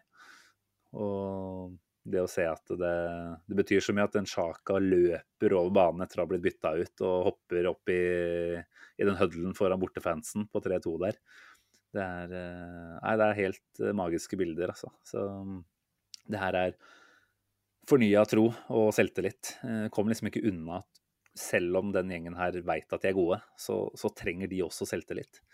Eh, og vi frykta jo at den selvtilliten skulle begynne å forvitre stadig mer nå. Eh, om ikke denne kampen her også eh, endte med, med, seier, da. Og det, det, så jo faktisk ikke sånn ut ganske lenge her. Så nei, det er sannsynligvis det øyeblikket hvor vi skrur klokka tilbake og ser på tre måneder fram i tid. Det tror jeg faktisk. Ja, det, det, må vi bare få lov til å håpe. Uh, fikk et spørsmål angående den uh, 3-2-skåringen uh, som jeg tenkte å ta med før vi går videre til litt mer generell prat om, om prestasjonen. Det er fra Henrik Tveter på Twitter. Han, igjen litt dommerprat, for så vidt. Han satt og var sikker på at de skulle dra en offside ut av hatten på Jorginho Martinez-skåringen. det var jo? Var det, det to, spillere, ja. to spillere som sto i offside. og hvis du er streng, så kan du påstå at de hindra sikten litt til Martinez. Og eh, hvis de mest konspiratoriske av oss har vel eh, vært opptatt av å påpeke at dommerne leter etter årsaker til å annullere skåringer. Jeg må jo si det at hadde de tatt den, da tror jeg Miquel Ariteta sannsynligvis har tatt livet av noen på sidelinja der. Ja, men altså, jeg, jeg syns jo han har vært ganske klok i måten han har uttalt seg nå. Eh, mm. Etter det som har vært ganske hårreisende. Også åpenbart denne Brentford-avgjørelsen, som jo da endte opp med at Lee Mason måtte pakke sakene fra varbussen. Eh, han er ferdig der. Jeg syns at Arteta valgte riktig linje, da. Og klarte å kritisere og legge et slags press på dommerstanden uten at det ble så emosjonelt at du på en måte nesten bare hissa de på deg istedenfor. Eh, som du sier, eh, en del avgjørelser eh, opplever man jo at dommere rett og slett leter med lys og lykte etter eh, et eller annet de kan ta det for. Altså, vi husker jo tilbake til eh, Molineux når eh, Martinelli fikk disse to gule på rad. ikke sant? Det er sånn, Du kan helt sikkert teknisk sett forsvare det, men det blir aldri gjort. Men, men hvis du leter og ønsker å finne noe, så klarer du det. Det er bare at det er så mange andre lag som stort sett ikke blir eh, Det er lett å sitte her og, og, tenke det, men det føles virkelig sånn. da. Eh, og her hadde man jo for så vidt enda en sånn mulighet. Og som jeg var inne på tidligere, jeg følte at den samme muligheten hadde de faktisk også i første omgang, når Saka er på ball først, men eh, ender opp med å stemple han venstrebekken eh, ganske klart i ankelområdet. Da. Det er også en mulighet som du som varedommer kan eh, velge å, å, kikke litt mer på. Så ja. vi skal for så vidt være glad for at uh, det blir riktig, for det, for det gjør det jo. Men, uh, men, vi skal ikke ta det for gitt. For det, det... noen uker tilbake så var det akkurat sånne her type avgjørelser som ja, fucka oss opp, da, rett og slett.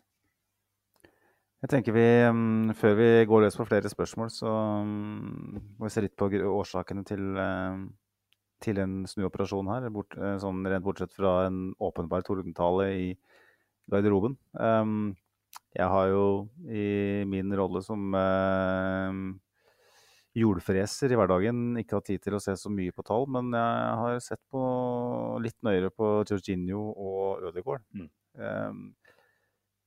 Og tallene viser jo at eh, de to kanskje er de viktigste herrene i den uh, snuoperasjonen her. Og det var øyetesten fortalte iallfall meg at, at, her er det de to som virkelig har, hatt har tatt tak i matchen. Mm. Uh, de to som har evnen til å, til å, å diktere tempo og, og ja, sy sammen spillet, rett og slett. Og fikk jo for så vidt et innspill fra Arsegeir, at Geir Geirerts uh, på Twitter. Altså, la det merke til hvordan Martin hele tiden drev laget fram og var i kapteinsrollen.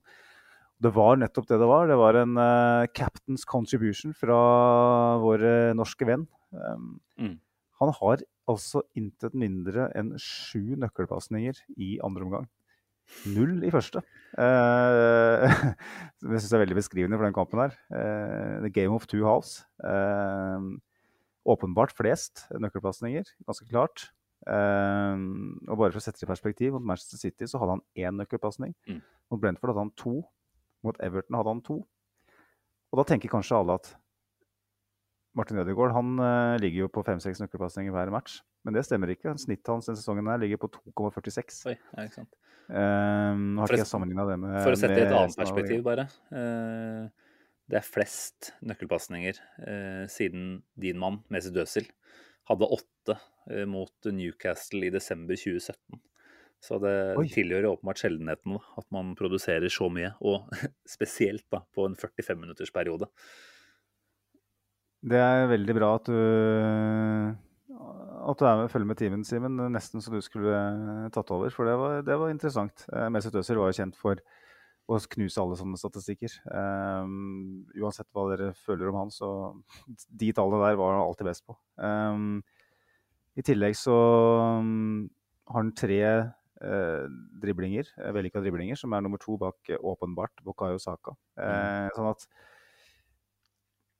Hadde det ikke vært for den derre Benny Hill-missen han hadde der, så, så hadde man kanskje sett på Martin Ødegaard som en sånn åpenbar man of the match. Uh, jeg tror den, uh, den, den, bommen gjør at uh, folk nesten legger vekt på den litt for mye. Um, men det er en mann til, Simen, som, um, som får det man of the match-utmerkelsen, uh, iallfall via arsenal.com. Jeg har ikke sett hvem som fikk den fra Sky, Sky Sports, eller hvem det er som deler den ut, eller BT, eller hvem det er som deler den ut etter match. Men Jorginho, han står opp i Thomas Party sitt skadefravær Kanskje på litt, litt, på godt og vondt. Vi har allerede vært inne på defensiv omstilling. Eh, en, eh, en Granit Xhaka som eh, virker litt eh, tom. Eh, virker litt prega. Eh, og en Jorginho som heller ikke er kjempefysisk dynamisk sånn sett.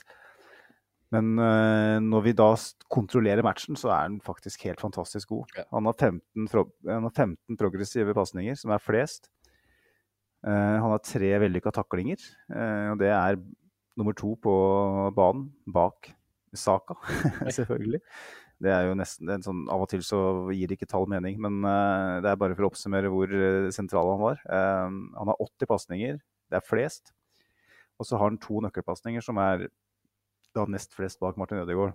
Som jeg minner om sesongsnittet til Martin Ødegaard på 2,46. Mm. Når mange snakker om at han har vært den beste midtbanespilleren i Premier League den sesongen her. Um, Jorginho nå, nå, har jeg ikke, har jeg ikke rekke å sett på pasning gjennom ledd. Jeg har ikke rekke å sett på pasninger inn i, i boksen og sånn, men jeg mistenker at Jorginho ligger veldig veldig høyt. Uh, han hadde flere uh, gjennombruddsballer ute på høyre til Ben White, uh, der, bl.a. på den mm. skåringa til Saka.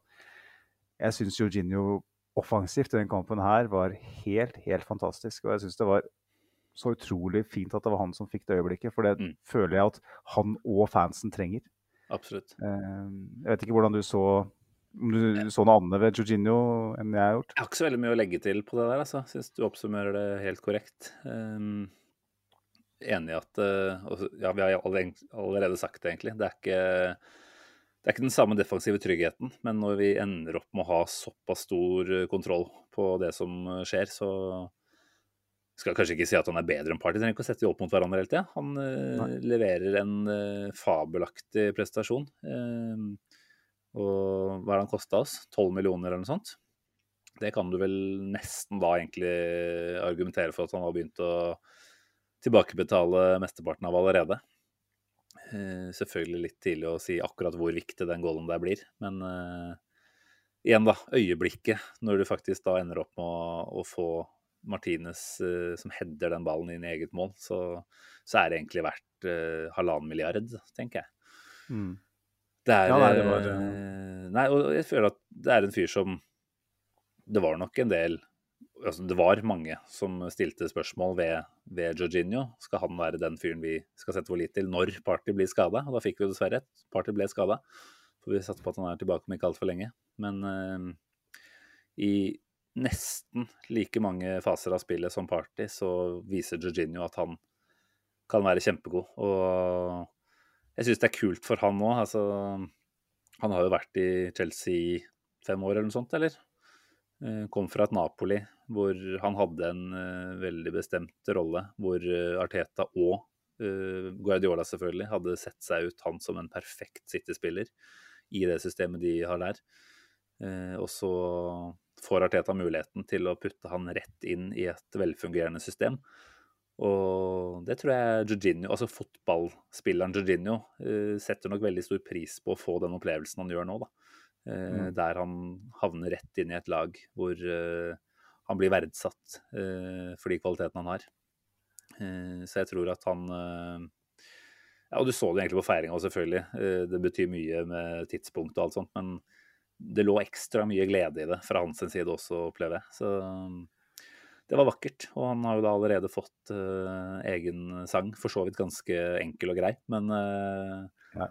han har allerede trykket til vårt bryst.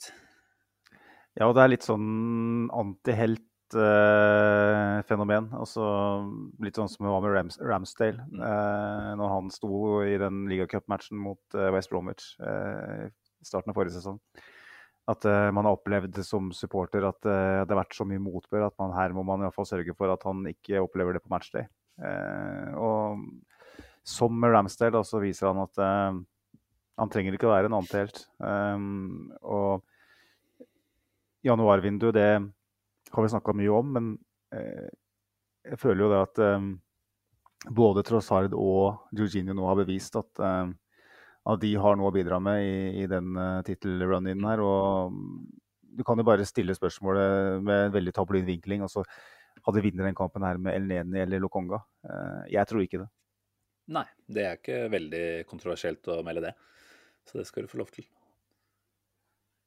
Um, Martin Ødegaard, da, bare for å avslutte litt om han. Um, svak mot uh, Everton, svak mot uh, Brentford, svak mot City. Uh, svak i første omgang mot Villa. Argumentet som har blitt brukt, er at han har blitt tatt litt ut av kampen. Men en så god fotballspiller som Martin Ødegaard bør jo ikke Tillate seg å bli tatt bli, ut. Nettopp. Mm. jeg så ikke den andre omgangen jeg kom med i det hele tatt. viser det her igjen at at Martin Ødegaard han er, han er laga av noe tøffere materiale enn det vi har snakka om for, hvis vi skrur tida litt tilbake. Ja. Og han er Artetas mann. Og jeg tror han føler ekstra mye på det ansvaret her, når Arteta er så tydelig som han er i pausen. Og aksepterer at dette er noe som må skje gjennom han.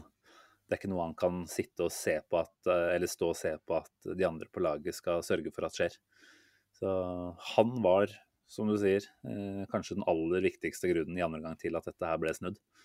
Eh, og som eh, lytteren eh, Arsegeir var inne på, det var jo ja, ikke bare med ball, men altså hele opptredenen hans eh, i måten å, å drive spille, spillerne fram i alle faser, det, det, er en ordentlig leder verdig, det han holder på med her. Og Selvfølgelig, han er ung, og han er kanskje ikke den klassiske høylytte, hardtskrikende kapteinen, men uh, han leder å sette et eksempel som er akkurat slik Arteta ønsker. Og da, da fikk vi heldigvis en, en, en, respons anført av vår egen Martin Ødegaard i den kampen her.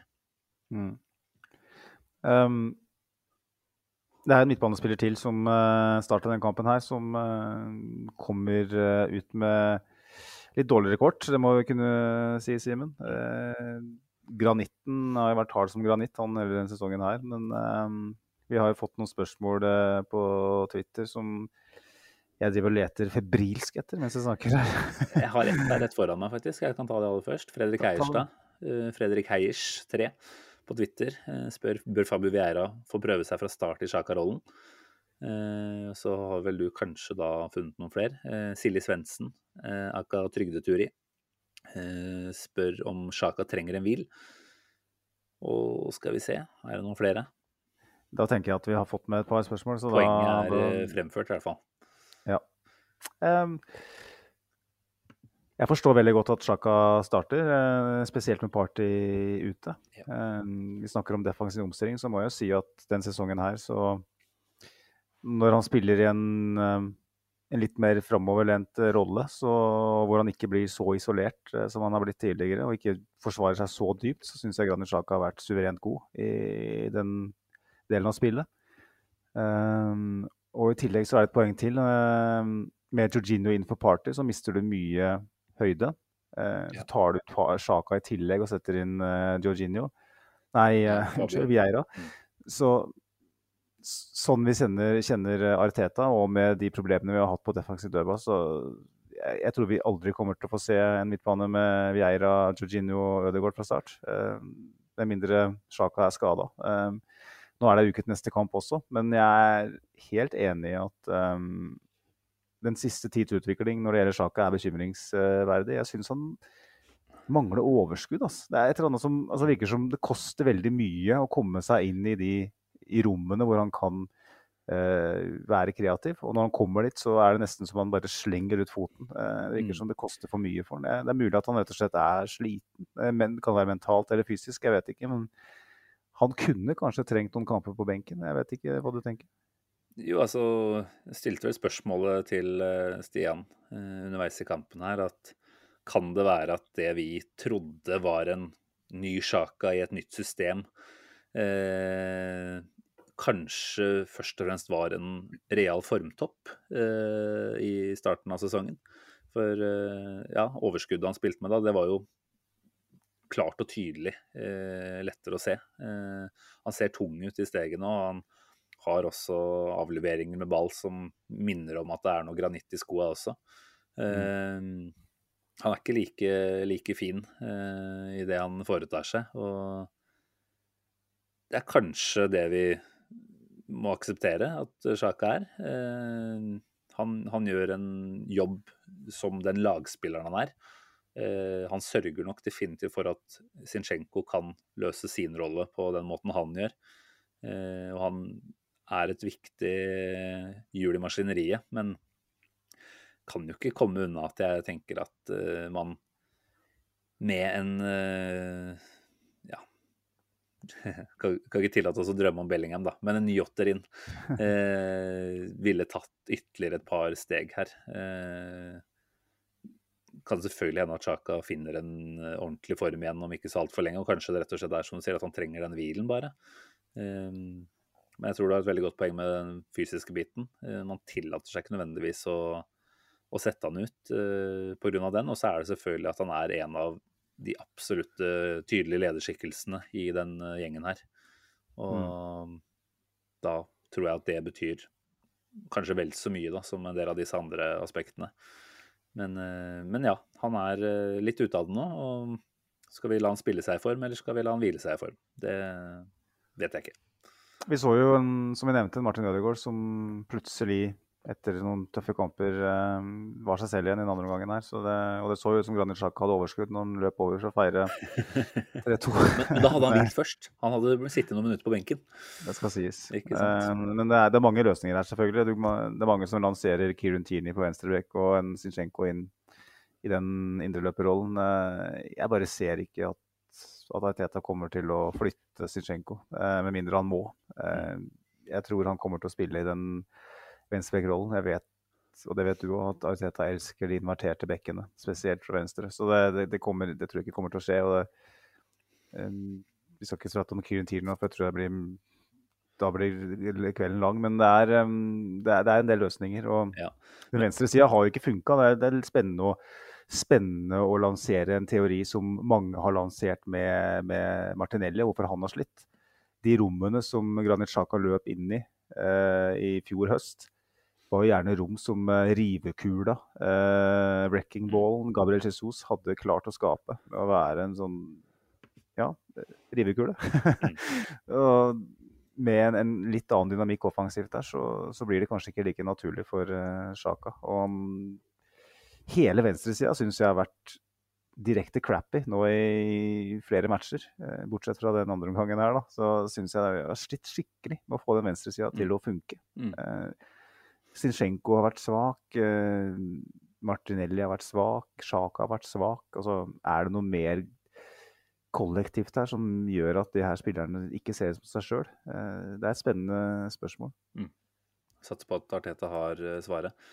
Men, eh, men igjen, altså selv om Fabio Vera har vist i den kampen her eh, at han har absolutt mye å fare med, så, så ser jeg ikke for meg at han kommer inn og starter mot Leicester. Eh, det klarer jeg faktisk ikke. Nei, jeg tror ikke jeg heller. Eh, igjen, nå viser han jo at han faktisk kan ha et eh, positivt impact fra benk. Da. Han har jo kanskje slitt litt med det også i noen av de kampene han bare har fått 10-15 minutter, naturlig nok. Og det er jo lett å argumentere for at hadde man tillatt Fabio Vera å spille seg varm i trøya og gitt han noen eh, lengre, lengre opptredener etter hverandre, så ville vi fått sett enda mer derfra også. Men, eh, men akkurat nå med det fysiske og, og lederrolleaspektet, så, så tror jeg at Chaka er ganske banker eh, resten av den sesongen her, rett og slett. Jeg tror ikke man Altså, det er en ganske stor øvelse å skulle sette inn en helt annen spiller eh, i den rollen. Det tror jeg krever enda mer tid på treningsfeltet enn det man har nå, eh, hvor etter hvert kampene kommer eh, med bare tre-fire dagers mellomrom. ikke sant? Så, så er det selvfølgelig det å kunne plukke han av, da, sånn som man gjør i den kampen her. Og få betalt for det. Det er kanskje det som er det vi vil se resten av sesongen også. Mm. Um, apropos venstresiden, så er det jo uh, verdt å merke seg at Gabriel Martinelli kommer inn og er kjempegod fra benk, som han var det mot Manchester City. Uh, mener fikk noen lytterspørsmål uh, på det òg, men uh, igjen dårlig forberedt. Ja, Johansen. vi, altså, igjen, vi, vi, la, vi må ta oss tida til å finne fram lytterspørsmål, altså. Når vi først Her har vi det. eh. Are, det er Are igjen det, eh, som spør. Eh, han mener det var riktig at Trossard starta. Eh, tror det vil ha en positiv effekt på Martinelli. Hva tror dere? Eh, for å svare på det, så tenker jeg Jeg syns det var helt riktig at Trossard eh, starta. Effekten på Martinelli det så vi både mot City og mot Villa her. Selvfølgelig small sample, sample sizes og alt det, alt det der. Det er litt tidlig å si at det her er noe som kommer til å vedvare, men jeg, jeg tror kanskje det kan være smart um, å fortsette med Trossard fra start. Um, han gir oss mer kontroll, han eh, tar bedre vare på ball. Mm. Og um, naturlig å anta at Arsenal kommer til å gå etter 100 i de fleste matcher og prøve å styre, styre kampen. Martinelli har vist nå over lengre tid at um, sånn som situasjonen er nå, med den dynamikken som er, så sliter han med å prege. Han sliter med å gjøre noe særlig konstruktivt i det hele tatt.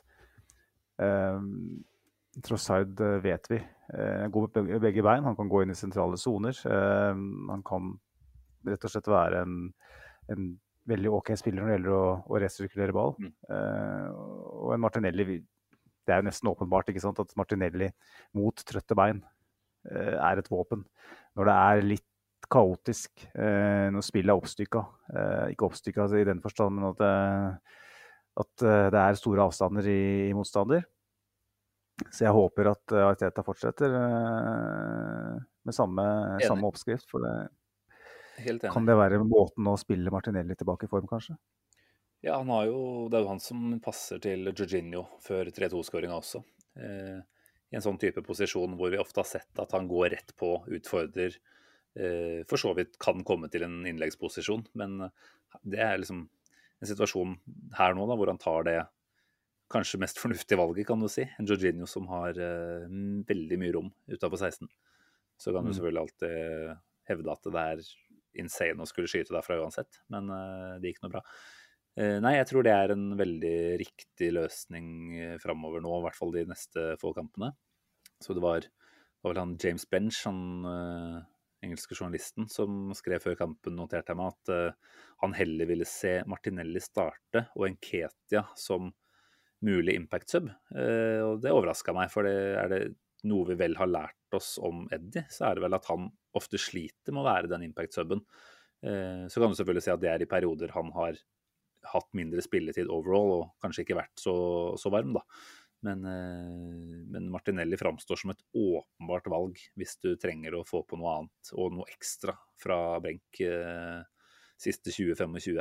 Og det, det er vel en klassisk nå, da, at eh, han eh, viste at han gjorde en så god innsats fra benk at da er han stuck der eh, også neste gang. Så er det jo en eh, annen offensiv spiller som folk er veldig opptatt av å, å hakke på om dagen. eh, med rette og urette, for så vidt. Uh, har Ketia, ny match uten scoring og eh, Ja, altså han, han, han hadde jo en helt utrolig start etter, eh, etter VM. Og um, de to måla mot United, da tenkte jeg at wow, nå skal Jesus få jobbe hardt her for å komme inn i laget igjen. Eh, etter det så har det vært uh, tøft. Jeg skal gi deg Ja, rett og slett. Jeg skal gi deg ordet, men jeg bare lyst til å si én ting, og det er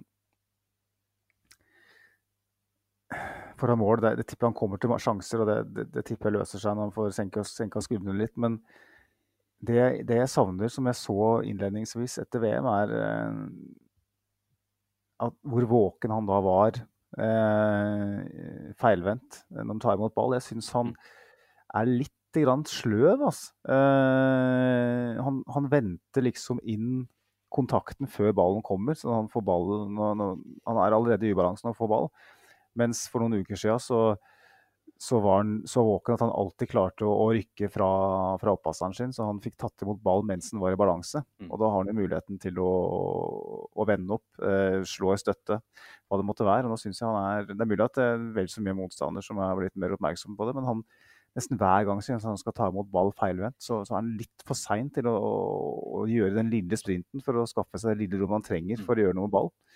Og det er jo her Gabriel Jesus er helt, helt uh, suveren. ikke sant? Altså Han klarer alltid å rykke seg fra, fra oppasser, sånn at han, han, han, han får kontroll på ballen før kontakten kommer fra, fra motstander. Um, men uh, foran mål, Simen, så jeg vet ikke hvordan du ser det. Er det, er det stress, eller hva er det som gjør at han brenner? Ja, det kan jeg jo gi deg et enkelt svar på, sikkert. Nei, eh, altså Den der velkjente flyten som spisser uh, har eller ikke har, uh, tyder jo på at han er litt ute av den. Uh, Syns det er en god observasjon du gjør i forhold til det med link-up-spillet der. Uh, kan det være så enkelt da, som at det er en kar som Altså, jeg syns jo han fortsetter å være god i presspillet. Han tar den jobben der i hver eneste kamp. Jeg vet ikke akkurat hvor mange meter han legger ned, men jeg vil tro at det er ganske jevnt over akkurat det samme i hver eneste kamp. For han, eh, han er første pressledd og, og gjør den jobben godt, syns jeg. Og når han nå har vært Han har vel vært involvert i alt etter at Jesus eh, ble ute. Eh, har vel spilt omtrent hvert eneste minutt. Kanskje blitt tatt av helt, helt mot slutten i noen av kampene. Skal vel ikke heller eh, underslå at uh, fatiguen kan begynne å ta i det så smått. Eh, at det rett og slett er en av disse små marginene. Eh, du skal liksom treffe den ballen i akkurat riktig millisekund på riktig sted for at avslutninga går der du vil. Og det er klart, er du litt mer sliten etter hvert, da, som ville vært helt naturlig eh, med tanke på den belastningen han har hatt, så er det kanskje de marginene som du da ikke har helt på plass etter hvert. Og når det da gjentar seg noen ganger, så er det jo mulig å snakke om flyt, at den begynner å bli borte. Og da, da kan det være vanskelig å komme inn igjen. Han hadde jo to kjempegode muligheter på heading mot, eh, mot City, som han på ganske svakt vis uh, mister på, ikke sant. Um, og de sjansene han har uh, i den kampen her òg Jeg tenker Den, den headinga han vinner og, og header i tverrliggeren, det er jo egentlig en god prestasjon uansett. Han får maks ut av den, men særlig denne situasjonen hvor han havner én mot én med Martinez og sender av gårde et kjempedårlig lobbforsøk eller chipforsøk, det, det var ikke liksom den Eddie vi er vant til. Eh, er det én ting han har fått skryt av oss med rette, så er det jo avslutningsegenskapene. Og hvordan han trenger mm. færre muligheter for å skåre et uh, likt antall mål som Jesus. Um, jeg, jeg, tror at Eddie skårer flere mål denne sesongen her, for all del. Men, uh, men jeg tror nok også at så lenge han nå har blitt spilt såpass uh, mye og ofte, så, så, kan det rett og slett være et symptom på det. At det er en fyr som er litt mer fysisk sliten, litt mer mentalt sliten. Og da, da er du bitte lite for seint ute i timinga. Det må jo ha vært et slags klimaks for han nå i mm. den United-matchen. Skåre to mål eh, mot Manchester United på hjemme under Stromlysene når det står så mye på spill. Eh, og i tillegg da skåre på overtid. Eh, så syns jeg allerede mot Everton at du så litt den Edin Ketia vi har sett som innbytter de siste par sesongene. Han fikk vel en sjanse tidlig i den kampen mot Everton hvor han nesten virker som han lukker øya og går for kraft fra spissvinkel her. Og det, det var den klassisk Eddie uh, som innbytter.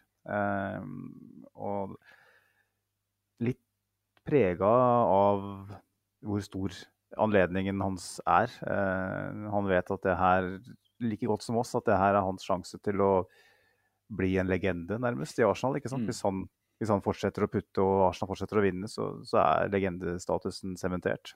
Eh, jeg vet ikke, altså. Men eh, jeg vet jo at, at Arteta er veldig opptatt av det mentale, og klubben er veldig opptatt av detaljer, så jeg vil jo tro at det er noe som snakkes om hver eneste dag mm. eh, bak lukkede dører nå. Og så syns jeg han er uheldig med både mot Everton og, og i, eh, på lørdag mot Villa, når, når Martin Ødegaard misbruker de sjansene som han faktisk setter opp. Da, eh, da skriver det er narrativet helt et annet ja. kjapt. Hvis det er Eddie som serverer den 3-2-skåringa, eh, han som presser og vinner den ballen, litt sånn Jesus, ikke sant. Eh, så små, små marginer. Ja. Eh, jobb lite grann med um, stressnivået akkurat uh, når sjansen byr seg, så tror jeg fortsatt at Eden Ketia kan komme tilbake uh, og være den spissen han var for noen uker siden. Og spørsmålet da, Simen, er jo bare hvor lenge uh, trenger vi at Edin Ketia skal være den spissen? Apropos komme tilbake, når kommer Jesus tilbake? Jeg var inne og sjekka på Premier League sin app, og den er vel sannsynligvis ikke så veldig pålitelig i det tilfellet her, men se at de melder om eh, expected return 25. februar. Uh, det, det, tror jeg ikke skjer, men uh, vi vet at han er tilbake på gress. Han har vel ikke tatt del i noe eh, fullkontakt treningsøvelser ennå, men er ute og trener med ball i hvert fall. Så jeg tipper han er tilbake innen tre uker. Jeg vet ikke hvem vi spiller mot før det og da, men liksom møter vi Leicester til helga, og så har vi Everton i midtuka. Så har vi Bournemouth. Det er mulig å tenke at Fulham, i hvert fall, bortekampen på Craven Cottage, at han er med i troppen der. Kanskje allerede i Europaligaen på torsdagen forut der. Og som mm. vi har snakka om tidligere, det er jo ikke sånn at eh, Jesus skal rett inn og danke ut Eddie fra start i hver eneste kamp. Han skal fases inn eh, sakte, men sikkert på et fornuftig vis. Og det er kanskje også det Eddie trenger på et eller annet vis, da, for å oppleve at ikke Ikke for å liksom tenke at å, nå trenger jeg å få et spark i ræva for det må være en fyr tilbake, men rett og slett for å få fordelt ansvarsbyrden litt. For det er nok som du sier, han opplever nok at dette her er et så stort Potensielt stort øyeblikk han er med på å skape da, i Arsenals historie. Og det kan selvfølgelig gå til huet på en 23-åring eh, som har eh, blitt flaska opp i Hayland. Så mm tror det skal bli bra for absolutt alle, eh, på alle måter, at Jesus kommer tilbake og, og, kan fordele dette ansvaret litt. Det er jo Hvis man skal tillate seg å, å bruke begrepet enklere kamper på papiret, eh, det vet vi at ikke alltid stemmer, eh, men nå går vi inn i en periode eh, med kamper som, hvis man skal være en reell tittelutfordrer, bør være favoritter i hver eneste match. Um, mens vi vet at i april da kommer det bortekamper mot uh, Newcastle, mot et Liverpool som virker å være litt tilbake, mot Manchester City. sånn at uh, jeg tenker at hvis Jesus er i nærheten, så skal man ikke rushe den. For alt i verden. Vi, vi trenger den så sårt i april. Når det Vi vet jo aldri hva som skjer, men det virker jo for meg som om sjansen er ganske store for at det er mye som står på spill når vi kommer dit òg. Med mindre vi kollapser igjen. Eh, så, så, kommer det til å være viktige kamper, og da, det er da vi virkelig trenger den. Um, du kan godt si at hjemme mot Everton, mot Sean Dyche sitt lag, så trenger vi den rivekula, Jesus. Men uh, det er hjemme under flomlysa på Emirates, så skal vi være bedre enn Everton. Mm. Så enkelt er det. Uh, og Leicester er ikke et lag som kommer til å parkere bussen, tror jeg. Så jeg tror ikke de er gode på det heller. Så det er en del kamper nå fremover uh, som, som, bør kunne gå greit med Nketia. men når vi kommer til april, da da tror jeg da, da må jeg være så ærlig å si at da tror jeg ikke det holder med en Ketia. Nei, det kan godt vise seg å stemme. I hvert fall hvis man ender opp med å avansere et stykke i Europa også. Så, så vil jo dette her bli kanskje ja, altså vi, vi snakker jo om Nketia som om vi er garantert at han spiller hver kamp nå. Eh, la oss være ærlige, det, det, er vi ikke. Eh, det har blitt drevet rovdrift på han nå siden jul.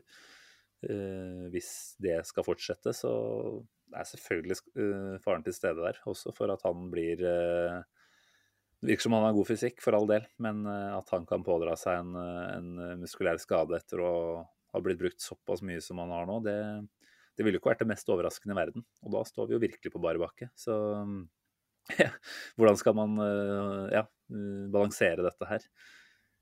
Få Jesus inn i troppen igjen så fort som mulig, men kanskje også Det var vel flere av oss som etterspurte Eddie ut mot Villa nå, uh, som kanskje høres rart ut i et uh, kampbilde hvor man jakter scoring. Men det er klart at nå en uh, Smith-Roll er tilbake i troppen igjen, får vi håpe at det betyr at han faktisk også realistisk sett er nærmere å kunne spille minutter. Så, så kan det at vi skal være litt uh, fornuftige i bruken av Eddie også de neste få rundene, før Jesus er mm. helt oppe og går igjen. For du sier at uh, vi klarer oss ikke med Eddie mot uh, disse store kampene i, i, april og utover. Men uh, worst case scenario, så, så, har vi ikke han heller. Nei, og da, da jeg, Arteta sitt system virker ganske absolutt rundt å ha en, en spisstype som kan gjøre mange av de tingene. Mm.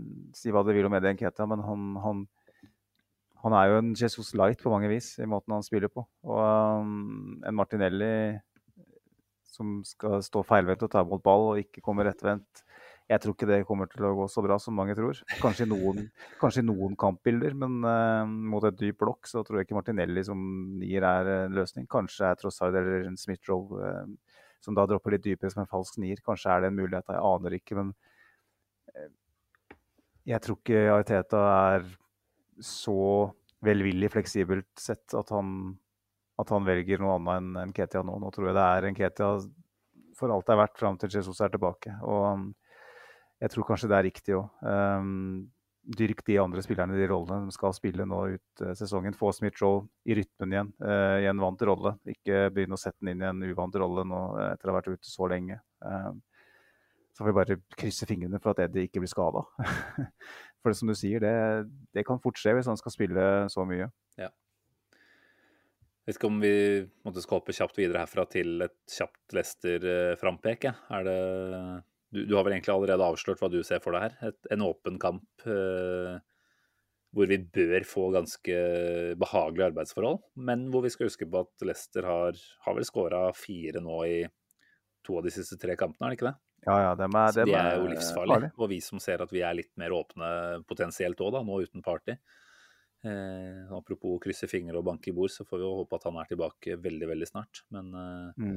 nå sa vel Arteta at han ikke engang hadde trent mellom City og, og kampen nå mot Villa. Ikke at de hadde så mye trening heller, det var vel bare en uh, kjapp recovery og så være ute på tur igjen. Men uh, vi kjenner jo Bartis fysikk. Den kan i verste fall gjøre at han er ute i tre-fire uker totalt her. Ja, og vi trenger jo ikke oppleve enda en gang at han mister eh, vårsesongen. Det, da tenker jeg at eh, da, da, er det prosjektet her over. Thomas Party i 60-rollen. For det, man kan ikke gjøre seg så avhengig av en spiller som ikke eh, er til stede når det skal avgjøres. Eh, derfor så tror jeg òg at Ariteta Eh, nå kjenner ikke jeg til detaljene, men hvis det er usikkerhet eh, foran neste match mot Leicester, så, så, så er ikke han med. Eh, det skal man ikke sjanse på, rett og slett. Det er det, er det ikke verdt. Det så vi i fjor. Og, mm, men når det er sagt, jeg tror Thomas Party akkurat i den kampen der kunne vært veldig ålreit å ha. En, av, en type match, type matchspiller som jeg er livredd for at, at det å ha Jorginho, Sjaka og Ødegaard kan koster dyrt. Eh, Leicester har eh, gode spillere i omstillingsfasen offensivt i Madison og Harvey Barnes mm. osv.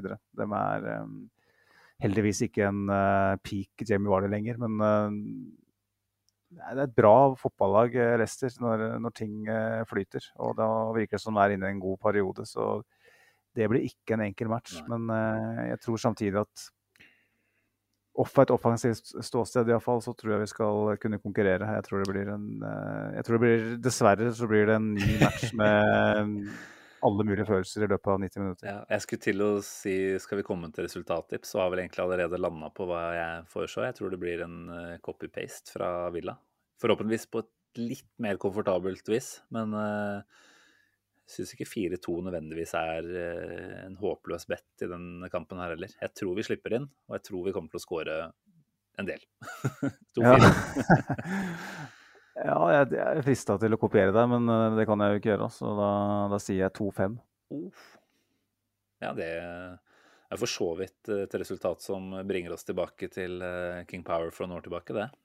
det ikke noe drømmesesong totalt sett, da, når de ender opp med å vinne ligaen. Men Alexis Sanchez på sitt absolutt beste. Jeg husker den. Det var Mesut Özil i pomp og prakt. Så det var, det var, det var en hyggelig aften. Mm. Og um, United hadde over fire XG hjemme mot Leicester Oi. nå på søndag.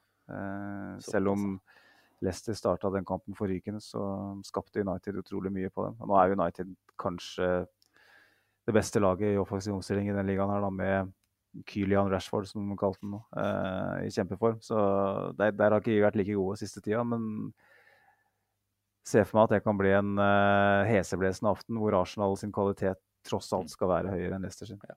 En uke med god trening nå, så har jeg en god følelse inn mot den kampen her. altså. Det er rart hvor fort det snur, er det ikke det? Altså, etter 45 mot Villa så, så, tenkte vi at uh, nå går alt til helvete, og tegnene så ganske så triste ut, rett og slett. Og så ender vi opp med å snu det, og, og som Are her igjen skriver, altså Nå sitter da også Ibor to poeng. Eh, Newcastle taper. Eh, ikke at vi skal bry oss så mye om de. Eh, så ble jo dette her en ganske så fabelaktig fotballhelg, og en, en måte å måte bygge opp til tida framover med, med, tro, da, istedenfor frykt. For det er jo rart det der at eh, før Villa nå så satt man og tenkte at man bare ser potensielle farer og røde flagg i måten eh, vi har vært på, det man frykter at Villa kan komme med. Eh, og fikk jo for så vidt rett på, på sett og vis der, men nå mot, inn mot Leicester-kampen så er det mer trygghet og selvtillit og en boost igjen tilbake i gjengen da, som gjør at jeg ja, ser dette her som gode muligheter. Det er jo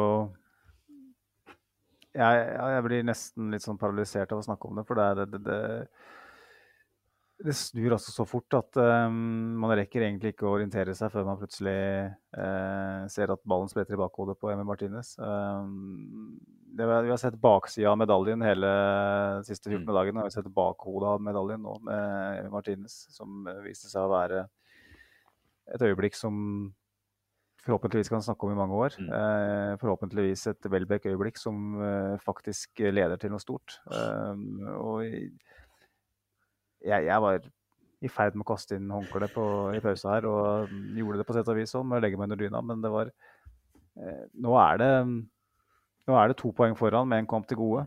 Eh, som du var inne på før vi, snakka, før vi starta recording her, så, så skal City nå inn i i Champions League-runnet.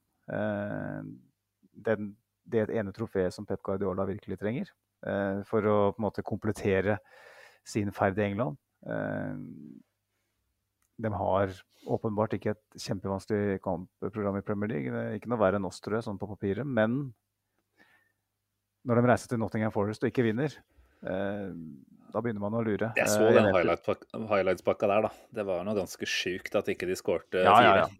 Jeg er helt enig i det, men det er, det, er ikke, det er ikke første gangen i år at City ikke klarer å avgjøre en kamp de bør avgjøre.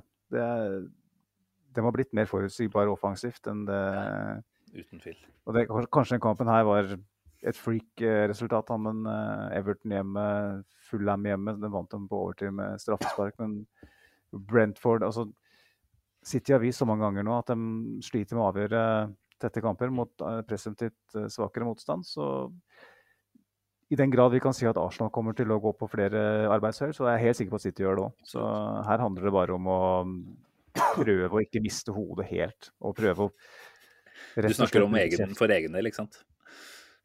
Ja, det, er, det, det finnes ikke noe medisin mot. eh, Iallfall ikke som er lovlig. Så det, det skal vi ikke prøve. Men det, er- jeg tror at, eh, at Arsenal har alle muligheter her. Så det gjelder bare å, å klare å snu kjerringa på den måten man gjorde i pause her. Touché. En liten klink i glasset der hvis jeg hadde hatt noe å slå med.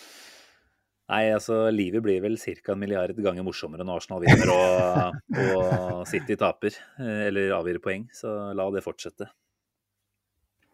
Ja, det var en fin måte å runde av på, Simen. Ja, jeg tror det er på tide. Jeg begynner å bli sår i halsen her, og vi nærmer oss to timer, faktisk. Så da tror jeg kanskje vi skal takke for i dag. Det må vi nesten gjøre da. Og så får vi rett og slett ønske god bedring til han uh, godeste Sivert, som uh, er reelt sår i halsen. Ja, nei, han uh, på antibiotikakur får bare ta det pent. Det er klart, noen dager i London som han hadde i midtuka, det, det er klart det koster. Å betale prisen for det nå. Så han får hoppe under dyna med deg. Eh, kanskje ikke på akkurat sånn måte, men du, du trives jo der. Så jeg regner med at Som, eh, som vanlig så er jeg ferdig på fem minutter. Så da er tilbake oppe.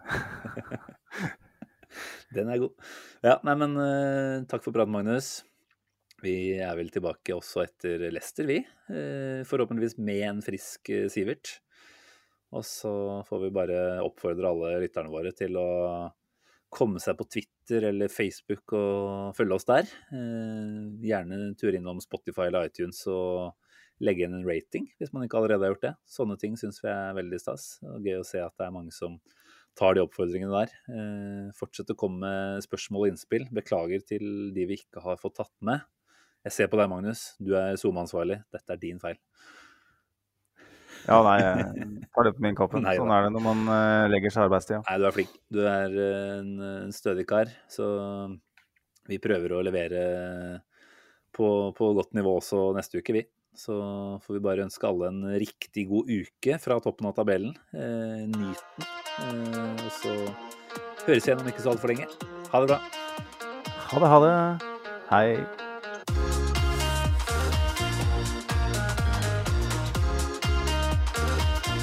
This train terminates here.